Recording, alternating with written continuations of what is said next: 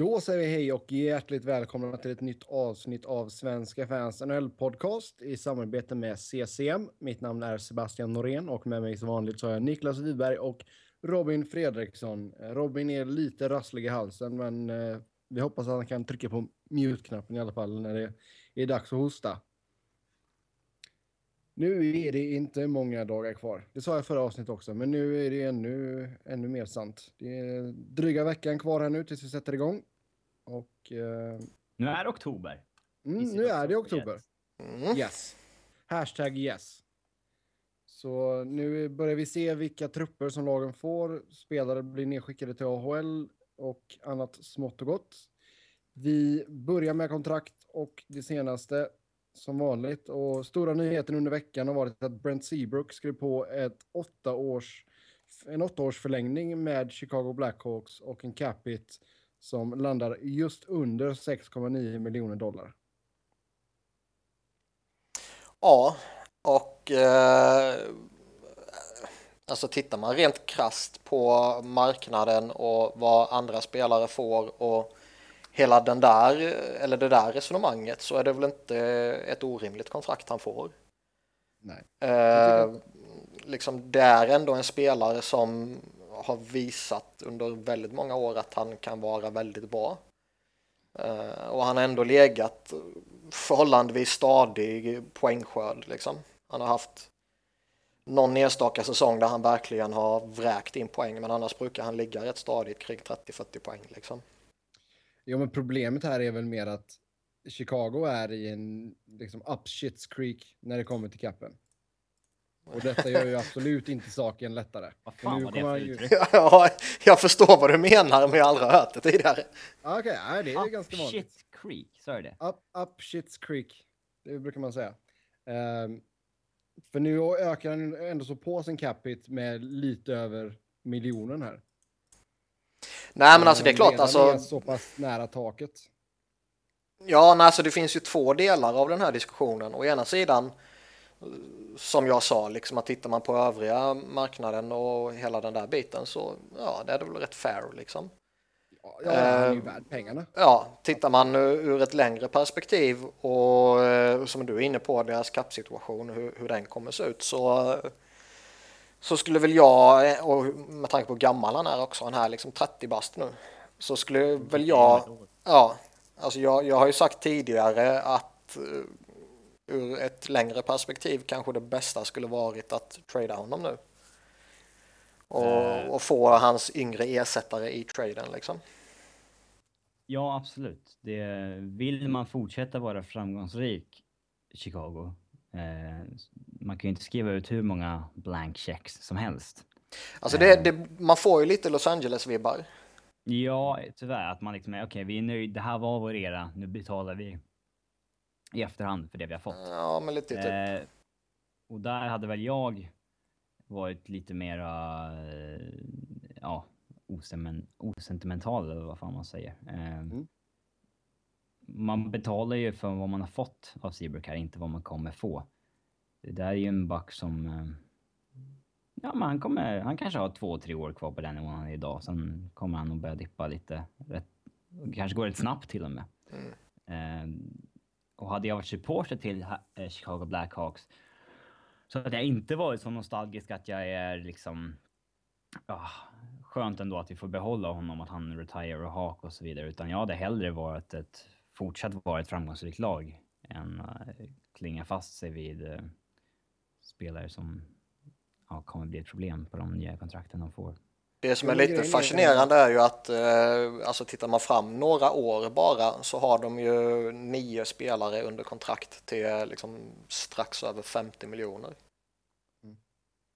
Jo, men det alltså, de måste ju verkligen hoppas på att capen kommer gå upp ganska saftigt ändå, för annars kommer de bli tvungna att för jag menar, efter denna säsongen som kommer nu då, som vi är ja, dryga veckan ifrån. Andrew Shaw blir, blir RFA. Kryger blir RFA igen. Tikhonov, eh, han blir UFA. Och sen, ja, Rosvall är skitsamma. Så mm. det är så spelare som jag tror att de skulle vilja ha kvar, de tre forwardsen där som vi snackade om. Eh, ja, och alla tre bör väl upp eh, pinnhåll också i lön. Ja, och sen Anisimovs cap går ju upp också efter den här säsongen. Så... Eh, Sen hoppas de fortfarande kunna alltså bli av med Bickel, känns det som. Ja, alltså det är uh, Bickel måste de väl försöka trada bort och sen... Sen alltså, vet man ju inte vad händer med Marian Hossa liksom. Ja. Blir de av med honom i en expansion draft eller? Ja. Ja, det borde de väl kunna göra. Ja, men liksom, det är kanske utvägen där. Uh, jo, men jag menar, skulle han sluta så åker han ju fortfarande på recapture penalty. Japp. Så det, han, det, det, är ju det som är problemet om, om han skulle sluta eh, innan 2021 liksom. Mm. Ja. Ja, och sen alltså grejen är också den att jag menar, om vi får expansionlag då går väl de in först 2017, 2018. Ja, jag tror det är något sånt. Mm. Uh, jag menar, de kommer ju ha problem redan nästa år. De hade ju problem redan detta året ju. Det som räddar dem lite är ju att de lyckas uh, få in attraktiva billiga spelare från KHL typ liksom och uh, att de fick en Marco Dano istället för uh, Sad till exempel. Mm. Så de har ju jo, fortfarande alltså, rätt många bra line, spelare på billiga kontrakt. Det är ju satt nu. Ja. De kommer ju inte kunna göra någonting, någonting annat. Ja. Sen ska ju förhoppningsvis eh, Teravainen och Dano vara värda mycket, mycket pengar om två år. Mm. Ja. Alltså de, vore det som det ska så ska ju de vara värda 5-6 millar när de där kontrakten är slut. Jo. Det blir intressant att följa. Uh, det är givetvis lätt att säga att man bara ska dumpa Brent Seabrook. Uh, men fan vet jag inte det skulle varit uh, det rätta ändå. Ja, det hade det. Jag kan köpa att man skriver ut två blanka checkar till Taves och Kane. Ja. Men, nej. Och Keith, om hans kontrakt skulle gå, gå ut liksom. Ja, om...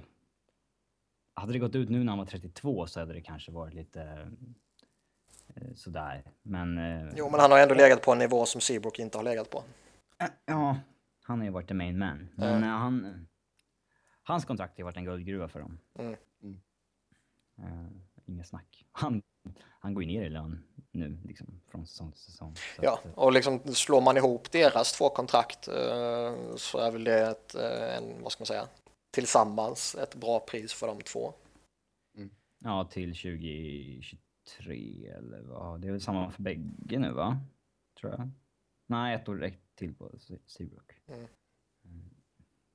Ja, sen Seabrook får en no movement klausul första sex åren också. Det är ju rätt rejält. Alltså det är ju... Ja, det där kan... Man borde tradat. Om vi ska slå fast något tycker jag att vi säger det. Ja, uh, ur ett långsiktigt perspektiv. Kortsiktigt så är jag inte ett dugg orolig för honom. Nej. Nej, alltså jag menar, och nu, vi vet ju att Seabrook, Keith och Hjalmarsson kommer ju dra ett tungt lass här. Ja, så är det. det, det de väntar ju fortfarande på några av de yngre förmågorna att ta ett kliv. Ja, definitivt. Mm, ja, nej, vi får se, se vad som händer där, men det är, det är ju spännande att följa ur ett ekonomiskt perspektiv så att säga. Om man gillar cap och allt sånt där är roligt. Brad? Ja. Mm, mm. Ska vi gå vidare eller vill ni säga mer? Uh, nej, nej, du avslutar väl rätt vettigt där med att uh, kappsituationen blir väldigt spännande att följa. Brad Boys kritade på ett ettårskontrakt med Toronto, 700 000. Kan eh, Maple Leafs få något vettigt ur herr Boys? Det vettigaste ja. de kan få är väl eh, draftval framåt deadline. Ja, och sen kommer han ju... Han är tillräckligt bra för att leverera ja, hyfsat om han får rätt roll och så vidare i Toronto. Han var ju lite konstigt utköp av Florida liksom. För han hade ju faktiskt eh, Ja, han hade inte varit jättedåligt där liksom. Han Nej, hade... jag tror han kan göra 15-20 mål liksom. Men... Mm. Eh... Och eh, liksom... Han... Är det någon som blir förvånad om han presterar eller producerar lika mycket poäng som Matt Baleski liksom, som fick ett långt kontrakt på mycket mer pengar? Mm uh, nej, men jag tycker det är en solid värvning liksom. Uh, sen ska man väl inte hymla med om att jag tror väl att deras eh, målsättning med den här är att signa honom till ett bra kontrakt, hoppas han eh, gör jävligt bra ifrån sig och sen kunna skeppa honom och få mm, något bra för honom. För gör han, ligger han på en, ja, runt omkring 15 mål framåt deadline och bara kostar 700k så eh, tror jag jättemånga lag kan vara intresserade av honom. Mm. Ja, men det kommer ju vara en enorm fire sale kring Toronto vid deadline. Det kommer ju vara Grabner, det kommer vara Mattias Spaling. Ja, men liksom Grabner ligger ändå på 3 miljoner och rätt, uh, Mattias ligger på 2,3 och sådana där. Det här är bara 700 000. Det tror jag kan vara uh, en jävla skillnad för lagen som ligger tajt mot kappen. Mm. Yes, sen uh, ryktas det om att Toronto kan vara sugna på Travis Sajak i New Jersey. Um, har väl lite med Lula Marillo att göra kan man ju gissa. Ja, Uncle Lou eh, gillar honom. Det vet vi ju sedan tidigare liksom. Eh, så den kopplingen är väl rätt logisk. Eh, däremot så tycker man väl att eh, Uncle Lou av alla borde vara medveten om hur dålig han Slut. faktiskt är. Ja, men jag, jag tror inte på det här ryktet alls faktiskt. Nej, hans agent hade ju förkastat det också nu, men det, det är liksom ändå en rolig grej och eh, det, det som framförallt är rätt udda är ju att vissa namn som nämndes för ett eventuellt utbyte, det var ju liksom typ Natsim Kadri och eh, JVR. det hade ju varit helt stört. ja, alltså det är jätteudda. Okej, om de vill skicka iväg något, liksom, skräp mot skräp men liksom offra JVR för att ta in Sajak, det vore ju... Han har ett pisskontrakt Sajak. Alltså ett mm. otroligt dåligt kontrakt. Ja. Det är ingen snack om Alltså det där är Det där är ett kontrakt som har negativt värde så att det skriker om det. Mm. Ja, vi redan sitter på 5,75. Mm. Mm, till 2021. Ja, grattis. Han går in på de dyra åren här nu också. Ja. Lönen är 6,5. Han, steg, han har ju stegrande lön på kontraktet. Ja, förutom de sista åren. Ja, han har börjat lågt. Mm. Ja, nej, vi får se ifall det... Alltså, kan ni se några andra Devil-spelare som Lou kanske är sugen på? Ah, jag vet det, känns, det är så här för lat journalistik bara att dra kopplingen till Devil så att de spelarna vill Lou ha.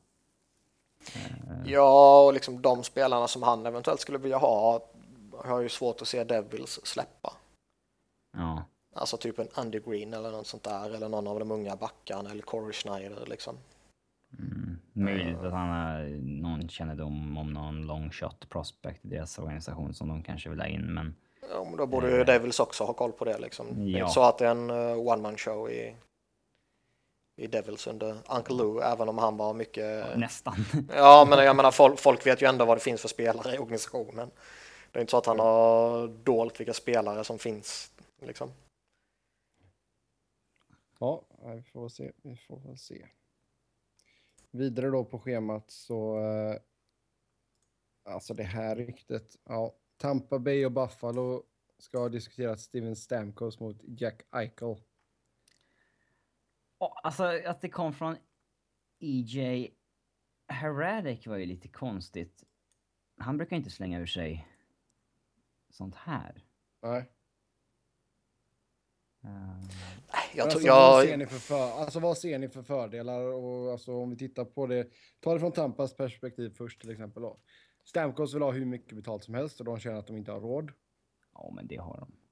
Råd har de väl, eh, frågan är tror jag. Alltså, det, det, det, bör man ha liksom. Frågan är ju snarare om det är så att de känner att det är rätt att betala de pengarna. Mm. Det är det som jag tror är problematiken från Tampas håll. Liksom. Ehm, så rent krast handlar det väl om att eh, vad ska man säga, du har den färdiga spelaren och du har talangen och så får man ju väga eh, vad man håller högst. Antingen den färdiga mm. spelaren eller spelaren som eventuellt kommer bli lika bra. Nu jo. tror jag alltså, att Eichel kommer bli lika bra, men man vet ju aldrig. Nej, alltså grejen är ju att Tampa har ett starkt lag även utan Stamkos. Sen är det klart att han gör dem mycket, mycket bättre. Han är en underbar spelare. Men... Det är svårt det... att snacka om de där potentiella... Det är folk som slängde upp så här om... om, eh, om, om Pittsburgh erbjöd Crosby mot McDavid, skulle de ta det då liksom? Det är lite samma sak med Stamkos-verket. Ja, det är det. Eh, vissa tycker väl att det blir självklart åt det ena hållet eller det andra. Mm. Alltså jag kan ju se fördelar för båda lagen liksom. Men det är, det är ju som Niklas säger, det är svårt att se alltså. Stamkos är ändå en färdig elitspelare. Jack Eichel är sjukt talangfull, men vi har fortfarande inte sett honom spela en NHL-match. Och det är ju det som är grejen. Det, är ju det man måste väga fram och tillbaka hela tiden och även i de här diskussionerna som, som Robin nämnde som finns lite här och där. Um, personligen kan jag tycka det är jävligt svårt att säga antingen det ena eller det andra. Um, och liksom just i Steven Stamkos fall så visst, han är ju fantastiskt duktig uh, och är väl i normala fall ja, topp fem i världen liksom.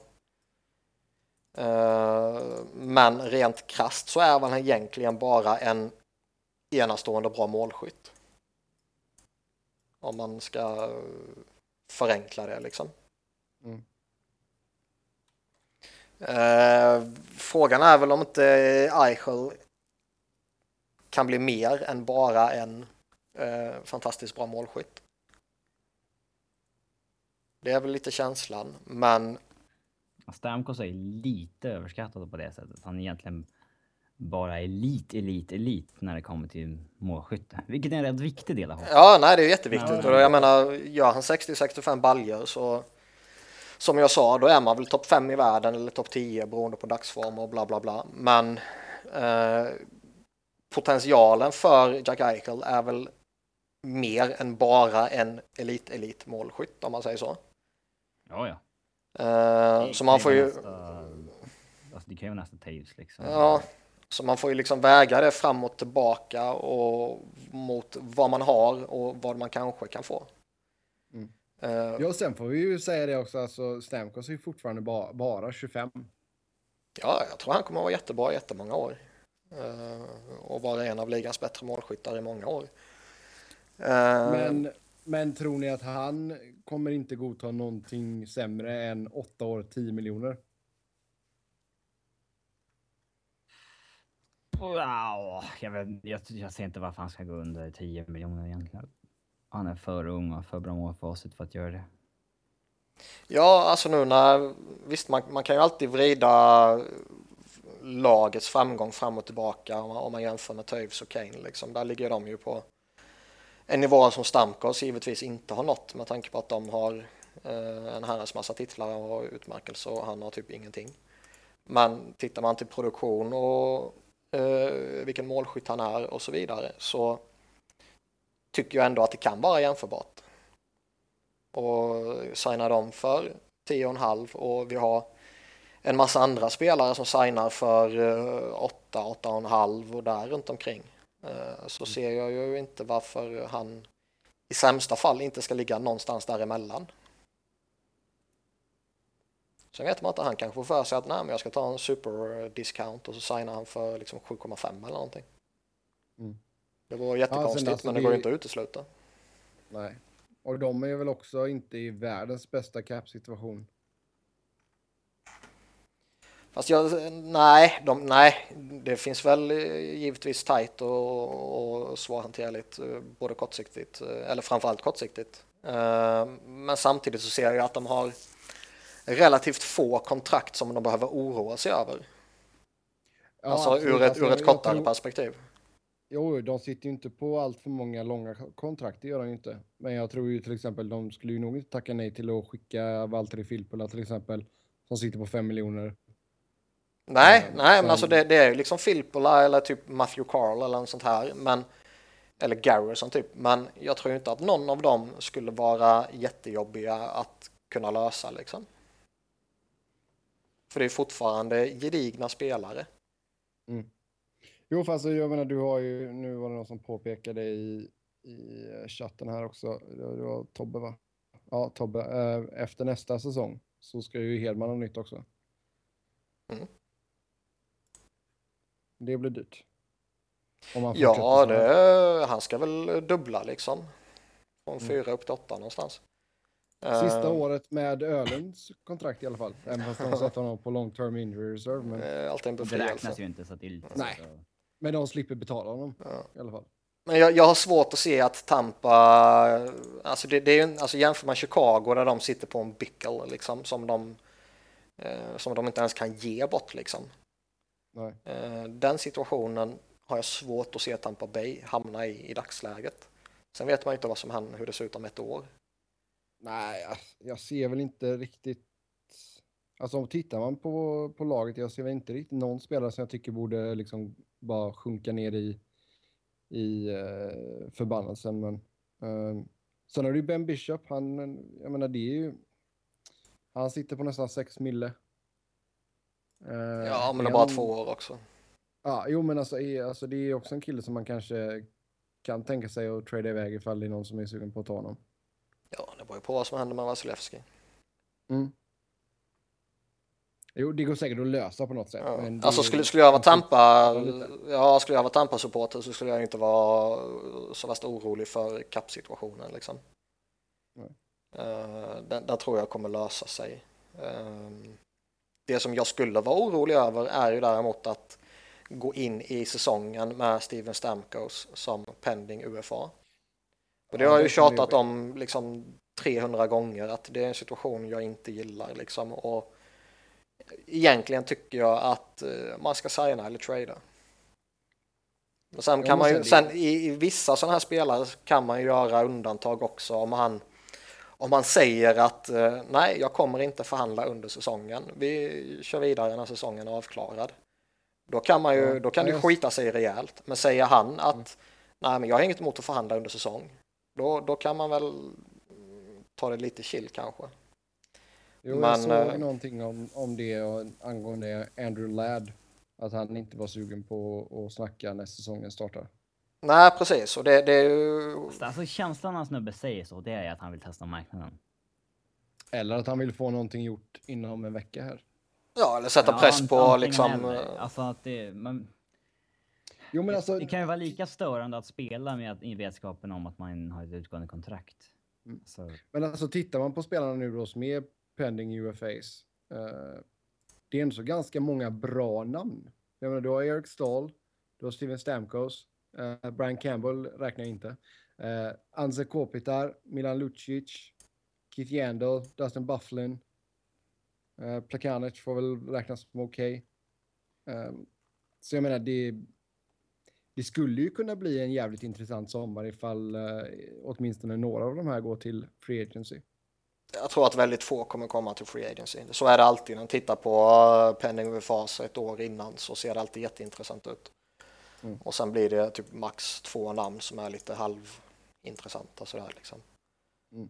Uh, men liksom för att gå tillbaka till Tampa och, och den där eh, ja, rykte, på spekulationen och whatever liksom med, med Stamkos Eichel så uh, ser jag väl rätt stora fördelar och rätt stora nackdelar för båda lagen. Mm, börja med nackdelarna då. Nackdelarna för Tampa är ju att de ger upp något som bevisligen är bra för något som kanske kommer bli bra. Om man ska vara lite styrk mot Eichel. Nu tror jag att sannolikheten för att han blir bra är väldigt, väldigt, väldigt hög. Men man vet aldrig. Eh, nackdelen för Buffalo är ju att man ger upp eh, eh, man, ja, man får in en väldigt bra spelare, man ger upp en spelare som mycket väl kan bli så oerhört mycket bättre. Och som verkligen kan bli en, en, eh, en franchise-spelare på ett sätt som Steven Stamkos som jag inte riktigt tycker han når liksom. Tobbe i chatten för övrigt, han lovar att Jandel inte kommer bli free agent. Lovar? Inte fan har Rangers råd att signa honom. Uh, nej, det känns som att det kommer bli jobbigt för dem. Nästan lovar drar han tillbaka nu. Nej, det var fegt, för fan. det är mycket möjligt att de skickar honom någon, annan, någon annanstans, ja. eller de inte kan säga honom. Men å, återigen för att hoppa tillbaka till punkten som vi pratar om. Så fördelarna är ju att eh, för Tampas del att de kan skaffa sig eh, i alla fall ur ett kortare perspektiv en mer gynnsam kappsituation. Mm. Uh, för som vi sa tidigare så tycker jag att Stamkos ska upp någonstans liksom 9-10 miljoner. Uh, det kommer ju dröja minst tre år innan Jack Eichel ska upp på de siffrorna. Ja, sen det är väl väldigt få spelare som kommer att gå från sitt entry level till de pengarna, även ifall man är någon superstar liksom. Nej, men man vet ju aldrig. Alltså, säg att han... Nej, det kan vara en helt annan situation om tre år. Liksom. Ja, precis. Det, det, det, vet man ju inte. Så, men, men i allra minsta fall så är det ju tre år bort. Och det, det ja. är ju en mer gynnsam situation såklart. Um, Svårt att ta det här på allvar. Det är väl inget superseriöst rykte, Michael Stamkos? Nej, alltså skulle det varit superseriöst så skulle det varit ute över, överallt liksom. Nu känns det ju bara som eh, eh, ja, någon form av spekulation att ja, men om han kanske inte vill stanna kvar så kanske eh, de pratar med Buffalo, jag vet inte. Det är ju definitivt, alltså det är ju... Iserman och Murray är ju två stycken som skulle kunna göra något sånt. Nya i gamet som skiter i lite så gamla oskrivna regler liksom. Mm. Du tradar inte bort en kille du har draftat för någon, någon månad sedan eller Nej. Ja. Men där är ju grejen också att då måste ju Buffalo få snacka med Stamkos innan och verkligen... Ja. ja, det ska ju mer eller mindre vara sign and trade liksom. Ja. Fan har vi signat i Buffalo? Ja. Det, det hade ju... Jäklar vilket kaos det hade blivit. Han bara, jag går med på en trade och sen så bara, nej jag tänker inte skriva nytt.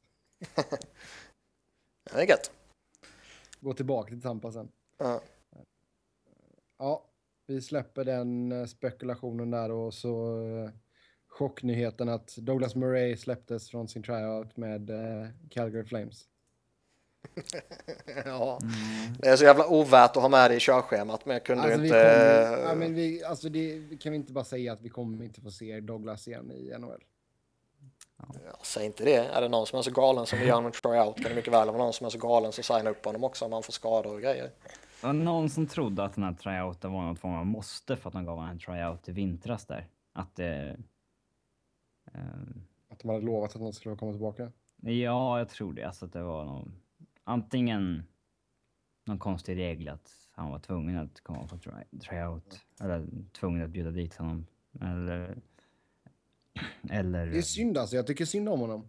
Det är, en så, ja, det är synd man, att spelare inte fattar själva att det är över och ska Ja, men han har, att, han har ja. ju sån hunger fortfarande. Han vill ju fortfarande spela. Hade han haft den hungern så hade han ju gått på en tryout i fjol istället för att tro att han var för bra för det och hänga kvar och vänta på bud i Stockholm liksom. Men jag menar, han borde, borde inte han kunna hitta ett jobb i typ AHL i alla fall?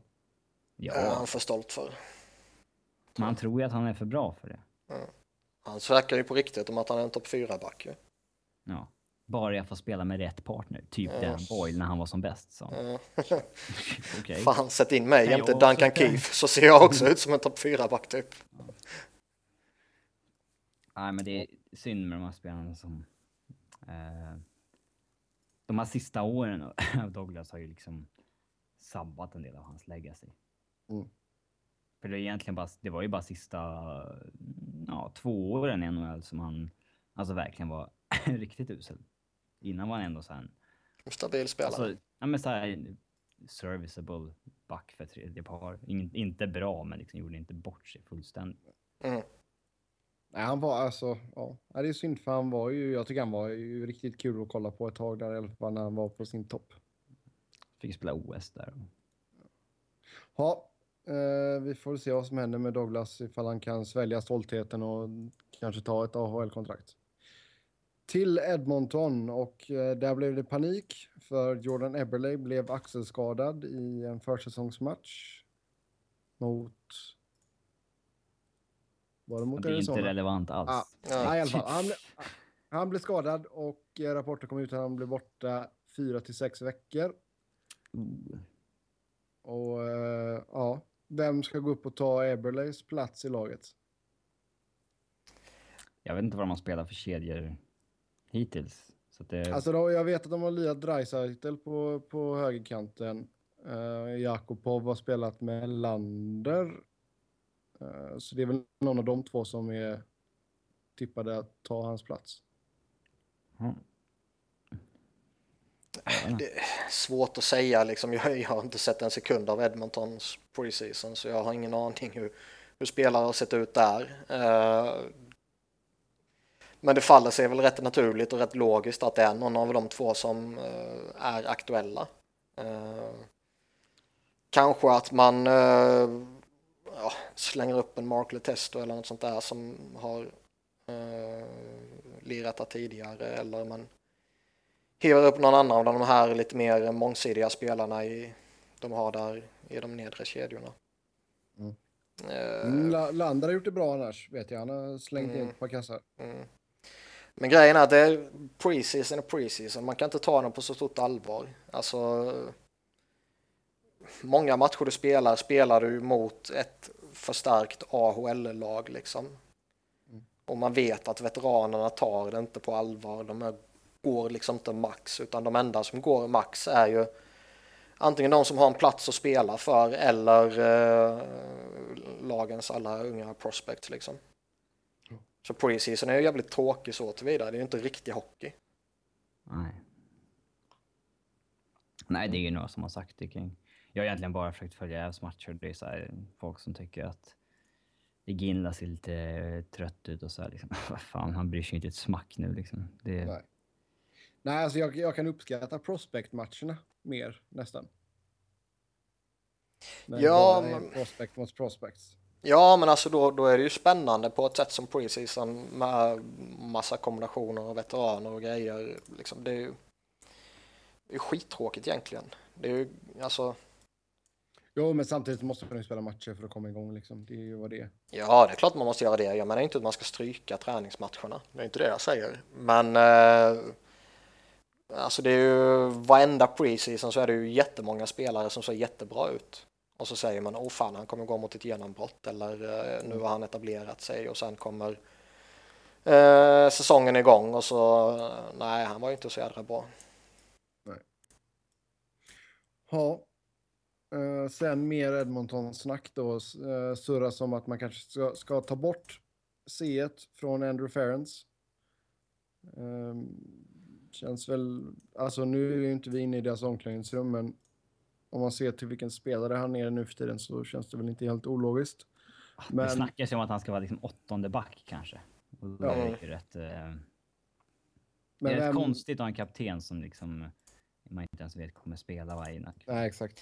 Nej, alltså en, kap en kapten ska ju alltid spela. Sen behöver du inte vara en spelare för första kedjan, utan det kan lika gärna vara en spelare för fjärde kedjan som har noll och inga möjligheter att ens ta klivet upp i tredje kedjan. Det tycker jag inte är så, så jätteviktigt, men det är ju förbannat viktigt. Han är ordinarie och spelar 82 matcher om han är frisk och kry. Mm. Du, kan, alltså, du kan ju stöta på riktiga eh, problem med de här veteranerna som... Ference kanske har varit en fantastisk locker room guy hela karriären, men de här veteranerna som har haft en stor roll hela karriären som helt plötsligt blir petade när de blir äldre. Att de inte, och de kanske inte köper det. Det kan vara riktigt stökiga situationer faktiskt. Uh, ska man dra ett exempel i fotbollens värld uh, så hade vi ju en mittback som uh, svenska landslaget hade med sig på mästerskapet trots att han var skadad bara för att han var en så bra ledare. Och sen så gick han till AIK hamnade på läktaren där och då ballade han ur fullständigt och betedde som, som ett jävla svin liksom. Ja, Majstorovic. Eh, ja. Majsan. Ja, Majsan, eh, ja. Vägrade dyka upp på en, eh, en inför matchensamling när han inte var i startelvan till exempel. Mm. Eh, och han liksom haft ett rykte om sig hela karriären att vara en stark ledartyp och sånt där. Man kanske är det när man spelar, man, när man är en av killarna att, att luta sig mot. Mm.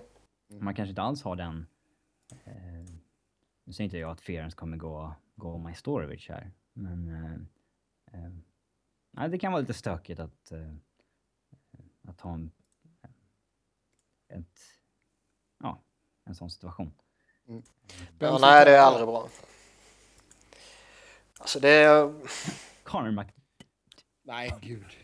Gre grejen är att jag, jag tror ju att de vill ge C till Conor McDavid eh, så småningom. Det är ju hans franchise. Ja, men liksom eh, man kan fan inte göra det nu.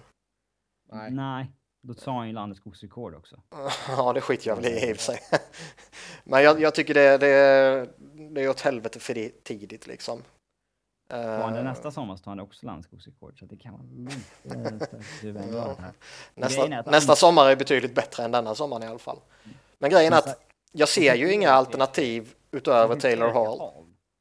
De kan inte ge det till Hall och sen ge det till McDavid om två år. Nej, det är det jag tänkte säga. Alltså enda alternativet som jag ser som verkligen känns jättebra att plocka från Ferrens och ge till någon, det är ju Taylor Hall. Men jag är helt övertygad om att de ser Conor McDavid som kaptenen liksom. Men ska man ta någon som kanske Teddy Purcell? Nej, han är ju åt helvete för dålig. Kanske en andra Sekera eller någonting.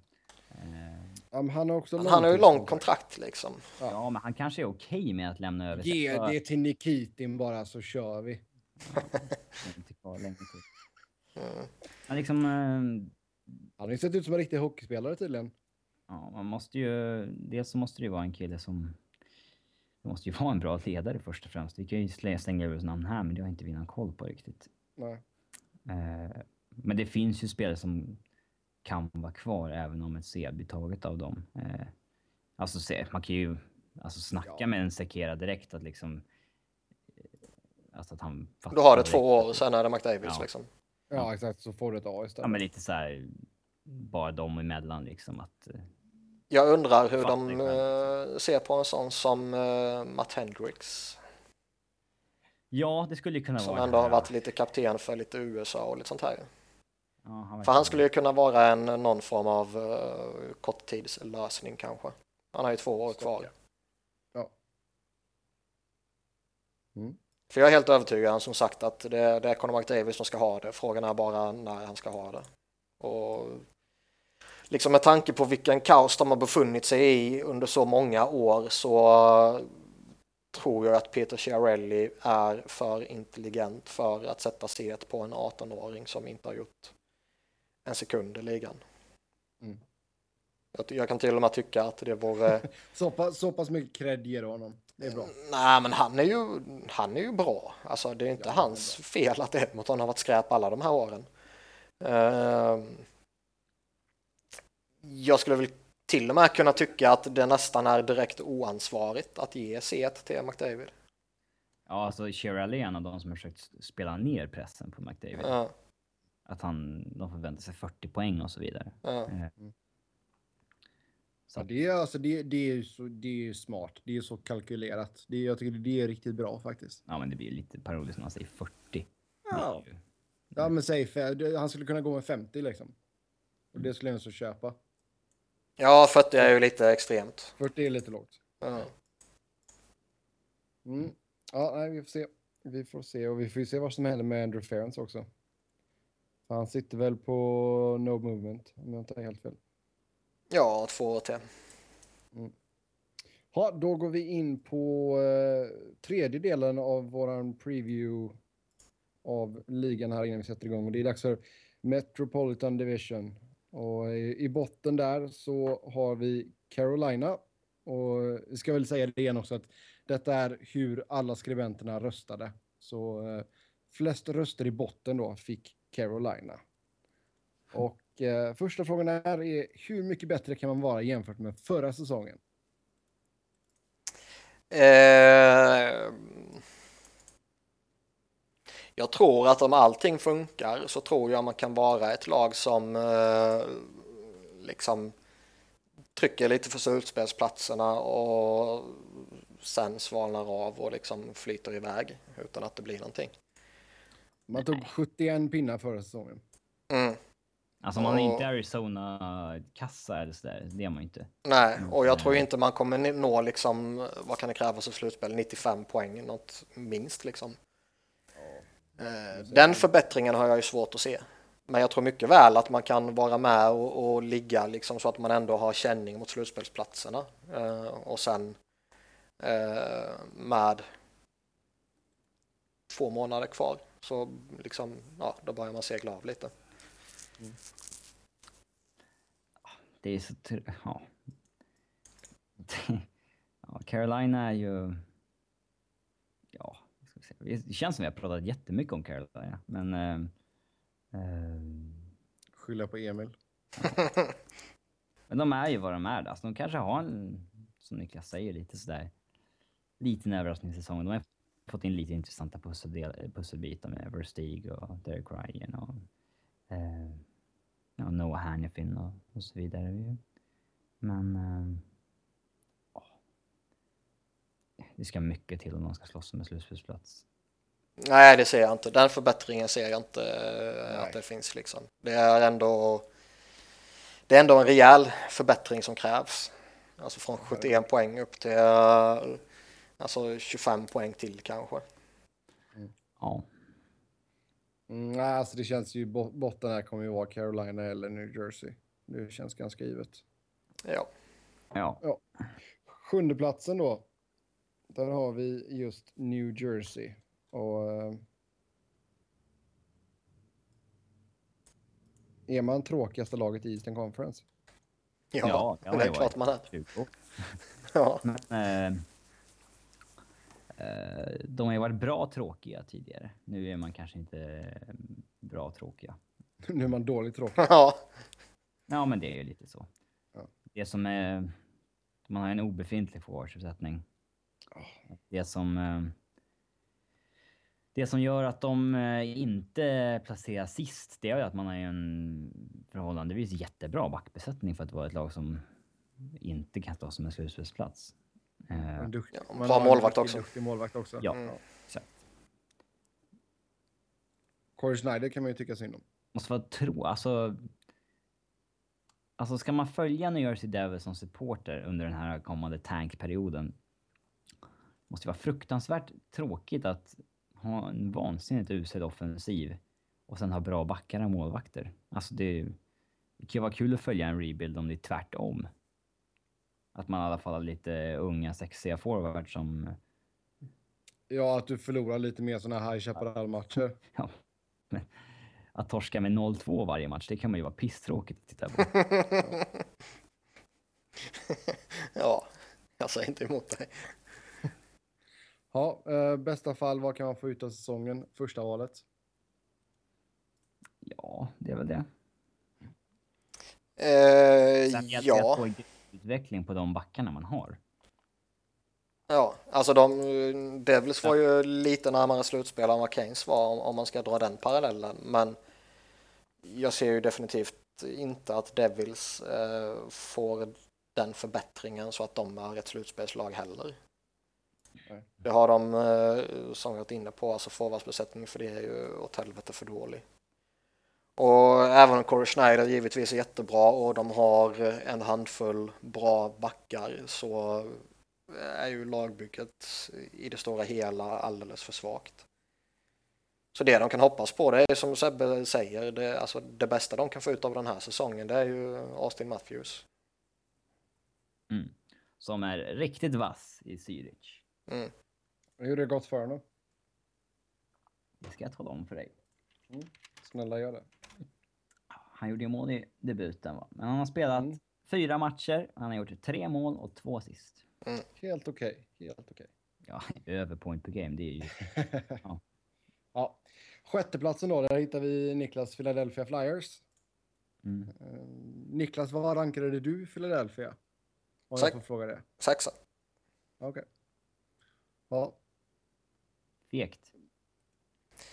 Uh, ja, det är det kanske. Det, givetvis så finns det ju möjlighet att, att klättra upp en eller två platser. Men uh, rent krast så är det väl här någonstans man kommer landa. Bättre att sätta ribban lågt så att du blir positivt överraskad istället. ja, det är bättre att förutsätta att det går åt helvete. Så att blir man inte lika förbannad när det går åt helvete.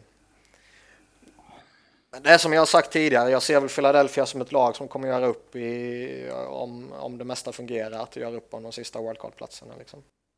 Mm. Ja, typiskt sånt lag. Det finns intressanta pusselbitar på backsidan. Det finns eh, dåliga bitar på backsidan och samma sak på forwardsidan. Liksom. Det är mm. ett lag som inte riktigt har någon tydlig eh, identitet nu, att de är en contender eller en rebuilder eller liksom de är lite... Man är någonstans mitt emellan. Alla vet ja. att, uh, att laget som man har nu är liksom för bra egentligen för att hoppas på att uh, som vi pratar, ja precis. Uh, Våra Tjeckojero i sin prime liksom. Ja, bara de kommer ju se till så att man inte är där nere. Och sen en Steve Mason som är eh, skitbra och så har man ett powerplay som är eh, ett av ligans bästa och så vidare. Det kommer man ju se till så att, så att man inte kommer vara i botten liksom. Um, däremot är man väl för dåliga för att på allvar hota. Och det är ju där som alla de här unga backarna som är på uppgång kommer in.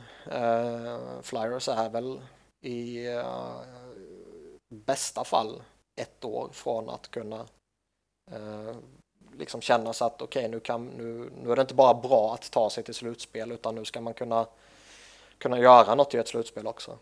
Uh, och göra något behöver ju inte nödvändigtvis betyda att man måste vinna. Uh, men mer sannolikt så är väl att det är två eller tre år bort innan man uh, kan hoppas på något jättespännande i slutspelet. Mm, nej, alltså jag får säga att det, det är synd på så sätt, för jag menar, Giroud och Voracek, alltså de är ju riktigt roliga att se på. Simons Wayne, är också i, Simons är en härlig lirare alltså. Mm. Fan vad jag gillar honom. Han som ger uh, Pontus Wernbloom stånd va?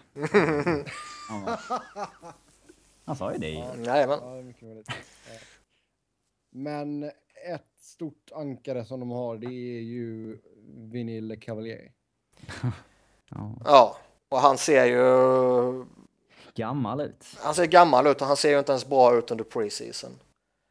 Alltså, man, alltså här kommer en snubbe som ändå var jävligt bra. Uh, okay. Han var jävligt bra när han var som bäst. Nu är det många år sedan, men uh, alltså det är ju ändå namnet är ju ändå en superstar liksom.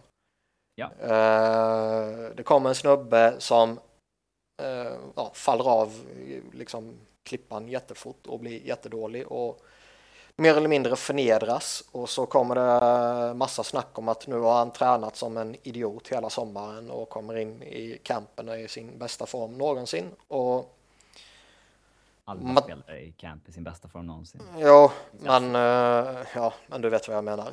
Och, ja. och så liksom så kommer, eh, kommer man till matcherna och han får chansen på sin eh, efterlängtade centerposition och du vet hela den där biten och eh, kan inte ens hävda sig mot AHL-motstånd liksom.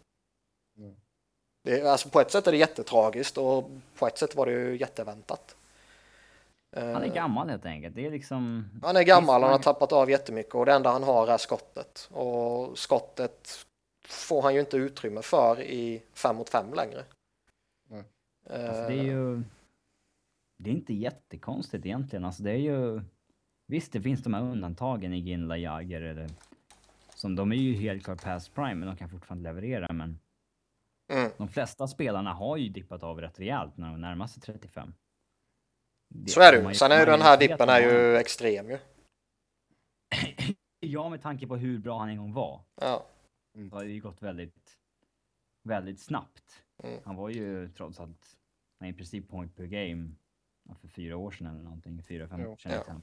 Ja. Eh, jo, men det är väl lite det som är skillnaden med honom och en Jagger till exempel. Jagger har ju varit lite mer slow and steady.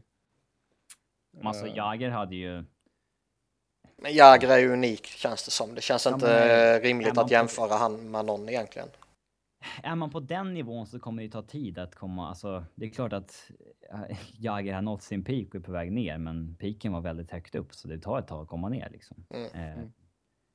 men... Eh, ja. Jo, men det var ju, alltså Le Cavalier var också väldigt högt upp och sen blev det ju ett fritt fall. Kan ni tänka det... er, vilket jävla ankare Le Cavaliers kontrakt med Tampa hade varit nu när de mm.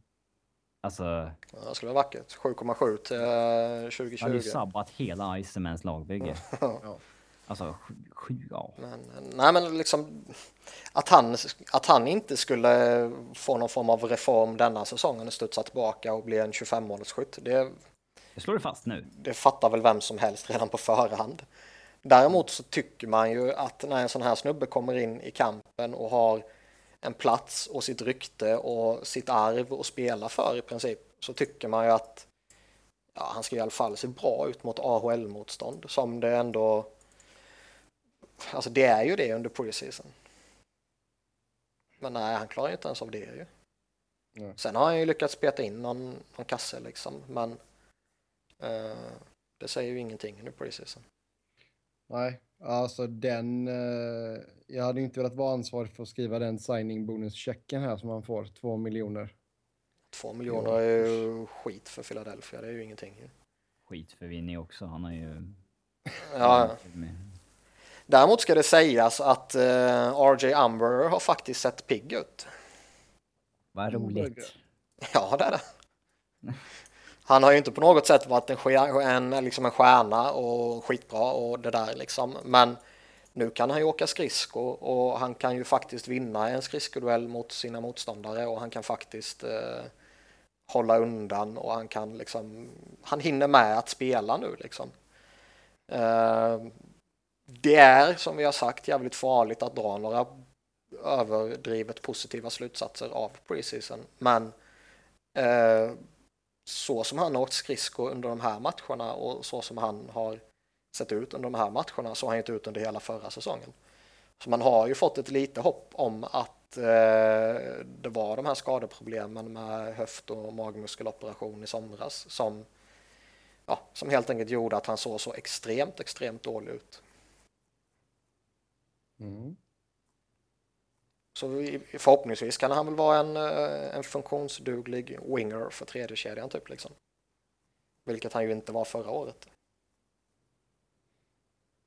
Nej, vi får se vad som händer med ditt Flyers där. Ser du att man kommer försöka göra något? Alltså, man kan ju inte ens ge bort Vinny just nu känns det som. Nej. Uh, vad sa du, ge bort? Ja. ja. Nej, nej. Ser du några spel... redan förra året. Ja. Ser du no några spelare som man kanske kan uh, tänka sig att byta bort för att stärka upp någon annanstans?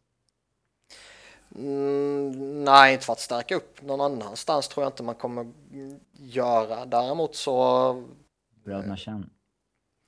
Ja, jag tror inte att eh, man aktivt försöker dumpa Braden. Eller dumpa, göra sig av med, byta bort och så vidare. Eh, däremot så rent matematiskt så tycker jag ju att det är rätt rimligt att på något sätt förutsätta att en back kommer försvinna antingen eh, de närmsta dagarna eller någon eller några veckor in på säsongen. Mm. Eh, det är åtta backar på NHL-kontrakt så att säga och man ligger väldigt, väldigt tajt mot taket så skulle typ en Luke Chen försvinna så eh, skulle det underlätta jättemycket. Och ja. det är ju väldigt tveksamt om han kommer börja säsongen. Nu är det väl han och Radko Gudas som är upp om, om högerplatsen i tredje paret liksom. Radko. Mm, nej, vi får se vad som händer med ditt Flyers där. Vi går vidare till femteplatsen. Där hittar vi Columbus. Och ett lag som åkte på ett helt gäng med skador förra säsongen. Det sabbade ju ganska mycket kan man lugnt säga. Är de redo att plocka en uh, wildcard-plats denna säsongen? Ja, eh, det var de väl förra säsongen om de skulle varit friska bara. Mm. Eh, och nu är de väl på pappret eh, lite mer intressanta också. Ja, med ett typiskt gäng som slåss kring wildcard-platserna. Ja. Eh, svårt att säga så mycket. De har ju... Det blir intressant att följa Brandon Saad, eh, såklart. Mm. Som eh, man inte riktigt vet hur, hur bra han är själv individuellt. Det ska bli intressant. Eh, men de har ett jäkligt stabilt lag, alltså det... Det tycker jag ändå. Svag backsida visserligen, eh, men... Men de är svåra att spela mot på ett sätt också. Eh, det är alltid en svår motståndare och eh, de, de har ju ändå, ett, forwardsidan har ju ändå ett väldigt bra djup. Eh, de kan, hur de än formerar sig, egentligen rulla tre rätt bra kedjor. De har en bra topp 6 tycker jag. Eh, sen är det ju som Robin säger att eh, Brandon Saad ska ju bli jätteintressant att följa. Eh, nu när han inte kommer placeras in jämte eller bakom Toews och Hossa och Kane och så vidare och eh, framför Keith och Seabrook liksom. Eh, jag tror ju givetvis fortfarande att det är en väldigt duktig spelare men att byta ut de namnen mot en eh, Nick Foligno och en Ryan Johansson och en Jack Johnson är ju ett steg ner liksom. Ja, det är ju ganska stort steg, absolut. Sen... Eh, vad tror ni man kommer sätta Saad? Vilka tror ni han kommer få lira med? Jag tycker det vore slöseri att inte spela honom med Andrew Hansen.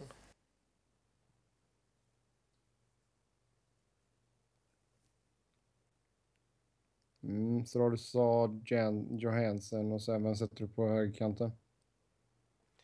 Eh fan vet jag, Foligno kanske, eller eh, en eh, Cam Atkinson kanske. Eh, vem vet vad som händer med Boone Jenner liksom. Men det... Cam, At Cam Atkinson känns lite som ett conundrum för mig. Alltså, är, han är redan 26. Han är väl en sån där som man i väldigt många år har väntat på ska ta det där sista klivet. Mm. Ändå har han på senare år gått och blivit en 20-målsskytt. Eh, och göra 20 mål och 40 poäng är ju för hans del ändå fullt godkänt kan jag tycka. Mm. Men det känns väl också lite som att alltså, spelar man Sad och, och Johansen så är det den kombinationen som är det viktiga. För jag, jag tycker liksom att eh, det blir, det blir, på ett sätt blir det lite slöseri att ta in eh, Sad om man inte spelar honom med Johansson, känns det som. Ja, det är där man har möjligheten att skapa ett riktigt radarpar. Alltså ja. som, eh, inte Jero Voracek, Getzlaff, Perry, Sagan, Ben-klass, men liksom strax därunder. Um, om Saad blir det många tror. Ja, om Saad blir det som han har fått ett kontrakt för att bli. Ja. Och det är väl det som är det roliga att följa i Columbus. Det är väl de två typ. Mm. Ja, och som sagt, så länge de är friska så bör de ju kunna hota faktiskt. Det får man inte säga. Ja. Fjärdeplatsen då, där hittar vi New York Islanders. Och uh, gjorde en riktigt bra fjolårssäsong får man ju säga ändå. Ja. Mycket hänger ju på John Tavares, självklart, men har lite andra intressanta spelare också. Kommer man kunna upprepa en, eh, en tredje plats eller tror ni att det blir ett wildcard? Ah, jag, jag har svårt att se liksom att de under normala förutsättningar ska petas in före Rangers, Pittsburgh och Capitals. Uh, för jag tror inte att Pittsburgh har en sån säsong igen. Eh, med de problemen de hade och jag ser väl Rangers och Caps som stabilare lag helt enkelt. Uh, sen vet man inte riktigt med Islanders heller, alltså fortsätter Tavares och... De har inte gjort någonting för att förbättra sig särskilt i sommar. Nej, alltså du tar in en, eh, det är väl Thomas Greis som är en uppgradering liksom, men... Ja. Men Chedlicki gör ingen skillnad i, alltså, i Nej, han är ju varken till eller från, även om jag tycker att det är en gedigen värvning för dem. Okay. Men det är ju ingen som lyfter dem på det sättet. Eh, mm. Utan det, det de ska hoppas på är ju att uh, de här spelarna som uh, liksom Brock Nelson och så vidare, att de fortsätter på det de har börjat med. Mm. Så att de blir bättre genom att deras egna spelare utvecklas och blir ännu bättre. Um, och det är alltid svårt med sådana spelare som, som är en 21, 22, 23 och som gör en bra säsong eller två bra säsonger. Det, vet man att man verkligen kan lita på dem liksom. Uh, så det, det, det, är väl den osäkerheten jag känner kring, uh, kring Islanders. Annars har de ju ett generellt sett rätt stabilt lag egentligen. Men det är svårt att veta var de står och framförallt ser jag väl att det är tre lag som är bättre än dem. Ja, ja det kan jag köpa. Ja. Ja, tredjeplatsen då. Där hittar vi grannarna till väst. New York Rangers, blir det väst? Nordväst blir det väl? Ja, nordväst. Ja, bra. Ja, Rangers i alla fall. Eh, hur långt eh, är deras cup contending fönster? Ja, det är väl ett år till kanske. Eh, kanske. Vi får se. Jag har svårt att... Uh... Alltså det är svårt att säga för jag tycker de ser på pappret ser de ju sämre ut ju. Alltså tappa, även om Saint Louis uh, var gammal och uh, man såg rätt tydliga ålderskrämpor på honom så var det ju fortfarande en bra spelare i grunden och Karl Hagelin var ju en väldigt effektiv spelare tycker jag och tappa de två utan att liksom ersätta, eller kunna ersätta rättare sagt, är ju en rejäl försvagning. Mm. Uh, men med det sagt så ser jag ju fortfarande Rangers som ett väldigt starkt lag. Det kommer de alltid vara när de har Henke Lundqvist och när de har Ryan McDonough och när de har uh, Derek Stefan och Rick Nash kommer väl göra sina mål liksom. Mats Zuccarello är ju, när han väl är frisk, är ju faktiskt jätterolig att titta på. Mm. Chris Kreider kan ta...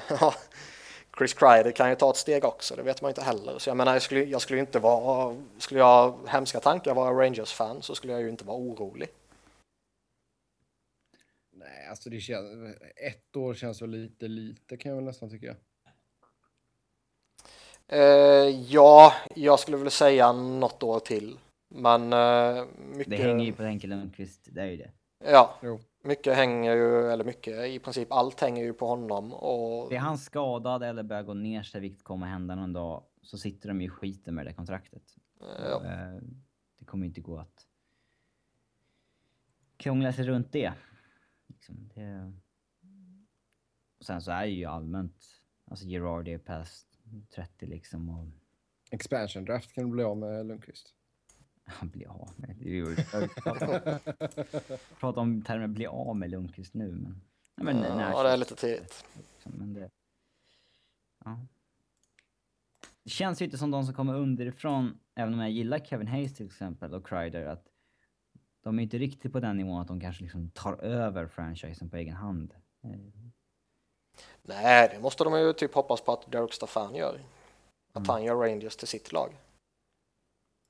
Eh, för liksom Rick Nash ser jag ju, han är lite för gammal för att liksom på riktigt kunna göra det känns det som. Även om han uh, kommer vara en 40-målsskytt i några år till så ser jag ändå som att det är väl Derek Staffan som ska ta laget och leda laget. Uh, om man ser som den offensiva katalysatorn. Defensivt är det ju Henke och McDonough givetvis, men mm. om man pratar forwardsbesättning. Mm. Um, Stålberg är en bra värvning också. En bra värvning? Ja, det är det. Varför det? För att han är väl värd 1,1 miljoner. De kommer ju få... Det här kommer vara ett av de bästa bang for buck-kontrakten när vi summerar säsongen. Ja, det vet fan. Han har, ju, han har ju inte varit bra mot slutet. Underskattad. Ja, nu har du smutsat på vodkan igen. jag dricker vatten. H2O. Ja, det ser likadant ut så jag tror du har tagit fel. Nej, det är klart det är inget dåligt kontrakt på ett år och så billigt. Det, men han har ju, du kan ju inte påstå att han har varit bra i Nashville liksom. Nej, men uh, lite, ja, lite misshandlad också liksom. Det, äh. ha, i rätt roll så är han en jäkligt duktig spelare. Ja. Han är ju nedköp jämfört med Hagelin. Ja, det är ju. Man byter ju inte ut en stockholmare mot en göteborgare sådär. ja, det är sant. Men jag, jag, ser väl eh, jag ser väl att Rangers kommer utmana även denna säsongen. Eh, det, utan problem egentligen. Men... Eh, Sen kan man ju fortfarande ryka i en första runda. Alltså det kan ju hända, ligan är ju så jämn. Men det är fortfarande ett ja, en av dem man skulle sätta som kan, kan vinna. Absolut. Eh, men de känns ju lite svagare än, än i fjol. Så är det. Ja. Andra platsen där hittar vi Washington Capitals.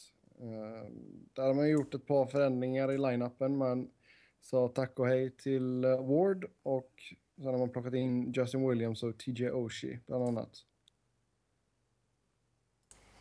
Räcker ja. det? Uh, nu var du lite otydlig. Räcker till vad då? Ja, räcker det för att lyfta laget? Räcker det för att de ska kunna ta sig till en, till en konferensfinal eller en Stanley Cup-final? Jag trodde du skulle håna mig eftersom det är jag som skrivit schemat. Men eh, ja, det är som vi sa när de, när de kom in, det är ju bra värvningar liksom. Mm, det är och, ett av deras bättre lag på länge. Ja. Och nu har de ju faktiskt, eh, egentligen hur de än sätter ihop det så har de ju två riktigt bra kedjor. Ja, det har de inte haft tidigare. Nej. Nu har det varit allt på Ovi. Och han gör 60 mål och det räcker inte till och han får skit. Ja, typ. Eh, men... Eh, ja, de... Eh, det här, de, kan bli riktigt jävla vassa i år faktiskt. Mm. Den enda egentligen riktiga svagheten jag ser hos dem det är väl eh, backbesättningen bakom de fyra stora namnen.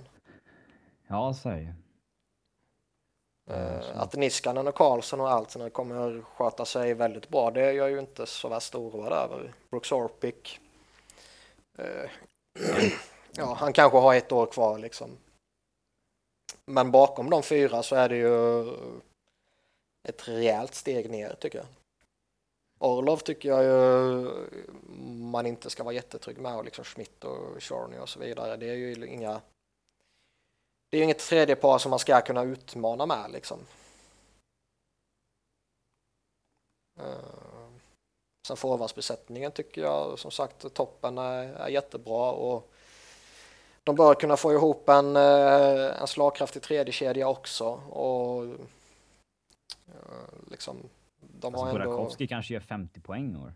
Uh. Ja, alltså de har ju några sådana där, man vet ju inte riktigt vad man får av Kuznetsov och Burakovsky.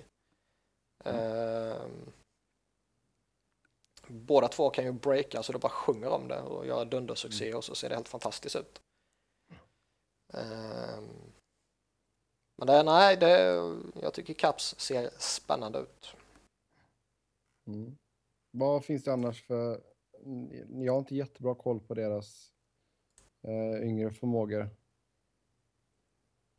Som spelar i laget eller vadå? Uh, nej, alltså jag tänkte typ Jakob Vrana och vad var mer? Christian Jos. Ja, jag vet inte. Vrana är väl en intressant, uh, ett intressant pick. Han kanske blir årets David Pasternak liksom. Lat jämförelse eftersom han är tjeck såklart. Men uh, uh, ja, det är lite samma typ av typ av pick ändå. Um, men ja, det övrigt vet jag jag menar, man skulle ju kunna gå på alltså lite mer, alltså ha en tredje kedja som ändå har ganska mycket skill. Ja, det ju med.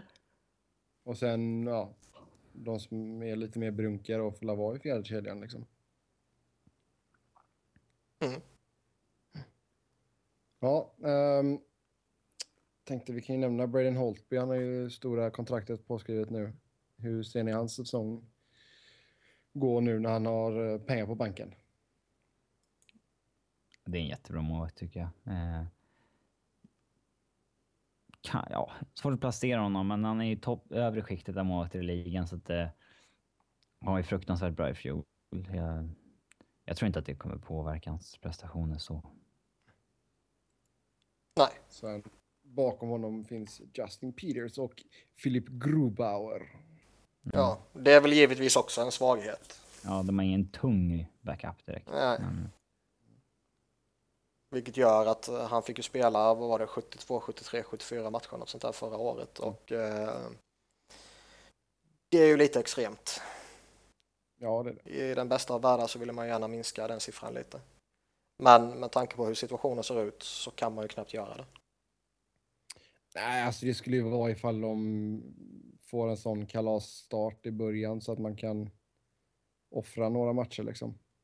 Ja, men även om du får en kalasstart så har du ändå något att spela för. Då kanske du har eh, toppsidningen att spela för liksom, eller en President's Trophy och så vidare att spela för. Och jag menar, då vill du inte helt plötsligt bara eh, slänga in eh, en sämre spelare och riskera att tappa något man siktar på eller att hamna i en lite negativ spiral inför ett slutspel och så vidare.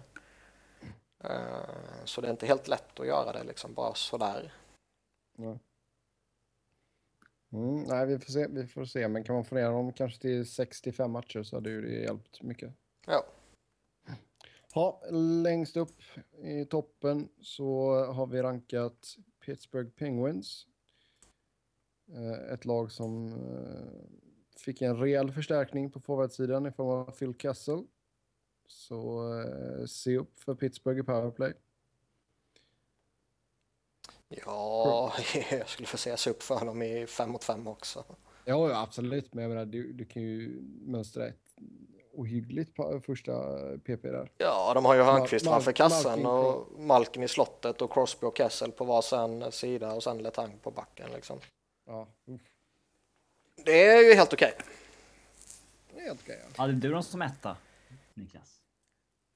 Uh, jag hade dem som etta eller tvåa. Jag ska kontrollera. Jag hade dem som uh, etta. Ja, för det Forwardsuppsättningen ser ju... Eh, det är det bästa Pittsburgh har haft kanske under Crosby, Malkin, Eron. Eh, mm. Med tanke på att de har fått in... Ja, Kessel nu då. Eh, jag vet, kanske överdrev lite där, men när de hade Jordan Staller där var de ju vassa också. Men... Eh, och de knappt en winger värd i namnet. Eh, men eh, backsidan ser ju fruktansvärt tunn ut för att vara en contender. Alltså backsidan är väl beroende av förhållandevis många om. Lägger du till att Chris Letang och Olli Mäta har varit fruktansvärt skadebenägna, mm. då ser det ju ruskigt läskigt ut där. Om man ja, men det är det jag menar liksom. Om Mäta och Letang... Nej, men om Mäta och Letang eh, håller ihop en hel säsong och om eh, Ben Lovejoy och Ian Cole visar sig hålla en duglig nivå i hela säsongen och om eh, på och Domolin, eller ja, med respe, eller viss reservation för uttalet, eh, tar det här klivet liksom så ja, då kan det bli fantastiskt bra. Eh, mm. Men det är ju inte helt orimligt heller att förvänta sig att Mäta kommer fortsätta ha problem kanske och Letang kommer fortsätta ha problem kanske och Rob Scuderi dålig. tar slut bara sådär liksom. Och Han är dålig. Här, ja, ja. Eh. Men, eh, och sen de här unga, de, de tar liksom inte det, det klivet. Då, jag menar, då ser det givetvis jättesvagt ut. Pouliot är ju jätteintressant, men han kan ju, om vi säger att det blir lite skador på... Han kan ju bli liksom överväldigad om han ska in och lira 25 minuter helt plötsligt. Ja. Eh. Och det är, väl det, det är ju det som är den enda svagheten jag ser i Pittsburgh. Annars liksom forwardsbesättningen är ju fantastiskt stark och nu har de ju alltså spetsen i Pittsburgh kommer ju alltid vara helt fantastiskt enastående bra så länge de har Crosby och Malkin och oavsett vad de skulle ha liksom. Men nu har de ju ett djup som är skitbra. Ja, på Nino och Fear och alltså det är ju Ja, liksom signa upp Matt Kallen jättebilligt och så har de Sergej Plotnikov som jag tror kommer vara en jättebra värvning för dem och ska de inte förlita sig så jättehårt på typ Kunitz och Pascal Dupuis så... Men de får ju bli lite vad det, vad det blir. Liksom. Ja. Det är ju inte en Men spelar, spelar man dem i en tredje kedja eller något sånt här liksom, så är inte det några problem. Nej. Nej. Mm. Flurry är stabil också. Jag, jag, skulle inte oroa mig för honom om jag var Pittsburgh-supporter. Det var mm. väldigt länge sedan han eh, chokade i, alltså i grundserien. Och senaste två slutspelen har han inte gjort det heller. Mm. Ja, vi får se. Det är som sagt jag ser inga problem med att ranka dem etta i Metropolitan. Speciellt inte nu när Kessel kom in också. Hur många mål gör Kessel då? Han gör 48. Har vi gissat det här förut?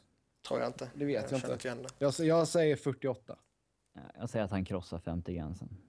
Ja, det tror jag med. Uh, är han frisk hela säsongen så gör han... Uh, Spelar han 80 matcher så gör han 50 mål. Jag säger 53. 50 exakt. Kulan, han säger 54 då, för att vara lite sådär. Ja, då går vi in på lyssnarfrågor. Och vi ska börja med att snacka om EA Sports NHL 16 som äntligen är ute och jag såg att de hade gjort sin eh, simulation av säsongen här idag och eh, de tippar då att Anaheim kommer gå och vinna Stanley Cup efter att ha slagit Montreal Canadiens i Stanley Cup-finalen. Ja. Mm. Känns väl inte helt orimligt. Nej, det gör det väl inte alls. Uh, samtidigt så kan jag väl inte känna att jag bryr mig så jättemycket av vad deras simulation säger. Nej, inte så här inför säsongen. Nej. Jag, Nej, det är ju ingen bläckfisk-Paul eller vad nej, exakt. som var var felfri. Precis. Tyska bläckfisken Paul, ja. Mm. Ja. Ja, nej, men vad, vad säger ni? Vad har ni för initiala intryck av spelet? Hur mycket har ni hunnit lira? Jag har inte eh, spelat en enda sekund. Då frågar vi Niklas istället då. Jag är väl uppe i en 40, 45, 50 matcher nu tror jag. Uh, Har du gått över från rookie igen? ja, Eh, det har jag. Jag, eh, det jag kan säga är väl att jag köpte aldrig 15 för man hörde bara jättemycket negativt om det. Men jämför man 16 med 14 så tycker jag ju att skillnaderna inte är jättestora. Du har bytt konsol också ska sägas. Ja, jag är PS4 nu liksom. Mm. Det ser ju, det ser ju för jäkla bra. Alltså just Men spe, spelen har ju nått en punkt där de kan, de kan ju inte se så mycket bättre ut. Liksom. De, de ser ju inte vansinnigt mycket bättre ut nu än vad de gjorde för tre år sedan. Nej. Eh, Alltså det, det är ju minimala förbättringar och så har det ju varit väldigt många av de här senaste åren liksom att man märker ingenting. Men jag tycker väl ändå liksom att jämföra ett 360 med NHL 14 eller en PS4 med NHL 16 så tycker man ändå att skillnaderna borde vara rätt stora. eh, I allting. Men det... Jag vet inte, det, det, det där ställer Ja, jag mig lite alltså, man, tveksam. man får ge, man, grejen är att det är ju sån jäkla snabb turnaround på de här spelen också. De pumpar ut ett varje år. Mm. Så det är på så sätt så Men de bara puttar Kan jag- till det gamla ju. Ja, ja, men det är lite så. Jag kan för, alltså, just att 15 var ju en besvikelse för de lämnade ju ut grejer som fortfarande var med på den gamla konsolen och du vet sådana grejer. Mm. Sen de lär sig ju sig och liksom utnyttja så mycket de kan av de nya konsolerna så jag tror ju säkert att vi kommer få se förbättringar på, på grafiken och sånt där när vi går framåt. Och sen har man ju satsat ännu hårdare på hela det här en, alltså NBC Sports-grejen då med Doc Emmerich och Eddie Olchuk och Ferraro och sådär. Ja, Eh, det är ju någonting som jag skiter fullkomligt i. Ja, alltså, men det, det känns ju som att man har lagt lite väl mycket vikt på de grejerna istället för att, att tweaka själva gameplay-aspekten. Ja, typ. liksom. Ja, Jag menar, du typ. och jag snackade ju om spelet igår då, eh, off-air. Ja. Eh, och vi sa ju att det är fortfarande vi- vissa, vissa grejer som vi... Eh, ja, det var inte så att vi gick live för att bara surra NHL 16. Mm. Off-air. Nej, men jag säger som, som jag har skrivit på Twitter några gånger, liksom, spelat alla de här matcherna, jag har fått två stycken powerplay. Och då har jag ändå den här jävla stapeln uppe på max. Alltså det är Jo, en, det- en boarding jag fick mot mig och sen var det någon hakning efter jag hade snurrat i offensiv zon och liksom två utvisningar med sig på eh, okej, säg 40 matcher så håller vi det lågt. Det är ju skitlite ju. Det är ju patetiskt lite ju. hur, må- hur många har du tagit? Eh, Ja, betydligt många mer. Jag, jag, jag snittar ju några utvisningar per match liksom. Men det, det gör man ju alltid i början innan man lär sig hur man kan tackla och hur man kan liksom äh, agera med klubban och grejer liksom. Uh, och ibland så tacklar man ju lite hårdare än vad man borde för att det är vissa spelare som man har chans att tackla. Men, ja, men det tycker jag är ju, det är helt sjukt ju hur det kan vara så. Ja, jo men det var ju lite också, jag har ju den grejen med tekningarna att jag vinner 90 procent av mina tekningar. Det känns lite väl konstigt också. Och då är det inte så det... Var inte så att du har Tyler Bosak i ditt lag då? Va? Nej. Han är grym. Uh, det var inte Tyler Bosak i mitt lag. Sen någon Konopka alltså, då? Nej. Nej, men alltså grejen är jag gick från 14 så vann jag inte en tekning överhuvudtaget. Alltså jag, jag kunde förlora 99 av 100, verkligen. Eh, och sen 15 ja, då var det lite mer 50-50 kanske, eller 60-40 till datorn. Men nu så har det varit helt, alltså det är så ensidigt så det är löjligt och då, då spelar jag på pro-nivån då, som är andra nivån. Um, så det är, alltså jag, inget ont, alltså jag vinner gärna tekningar, det, det har jag inte problem med, men jag tycker inte det det känns inte som att det är helt på riktigt och sen att motståndarnas passningar går som på ett jäkla snöre. Det, och det är samma sak, det har jag problem med när det kommer till Fifa också. Deras passningar liksom sitter som smäck hela tiden. Det jag reagerar mest på det är ju att uh, mina medspelares artificial intelligence är så... Uh, Obefintlig? Ja, är så enormt mycket sämre än uh, om man säger datorns då liksom. Jo. det, det är jo, ju alltså, liksom... Jag vill ju, ibland blir man ju helt alltså jag vill ju idiotförklara mina medspelare ibland. Ja. Uh, så jag, jag vet inte, alltså. Sen är det, sen är det, jag tycker det är ju liksom. Uh, varför ska de hetsa ut det i september med inkompletta trupper liksom?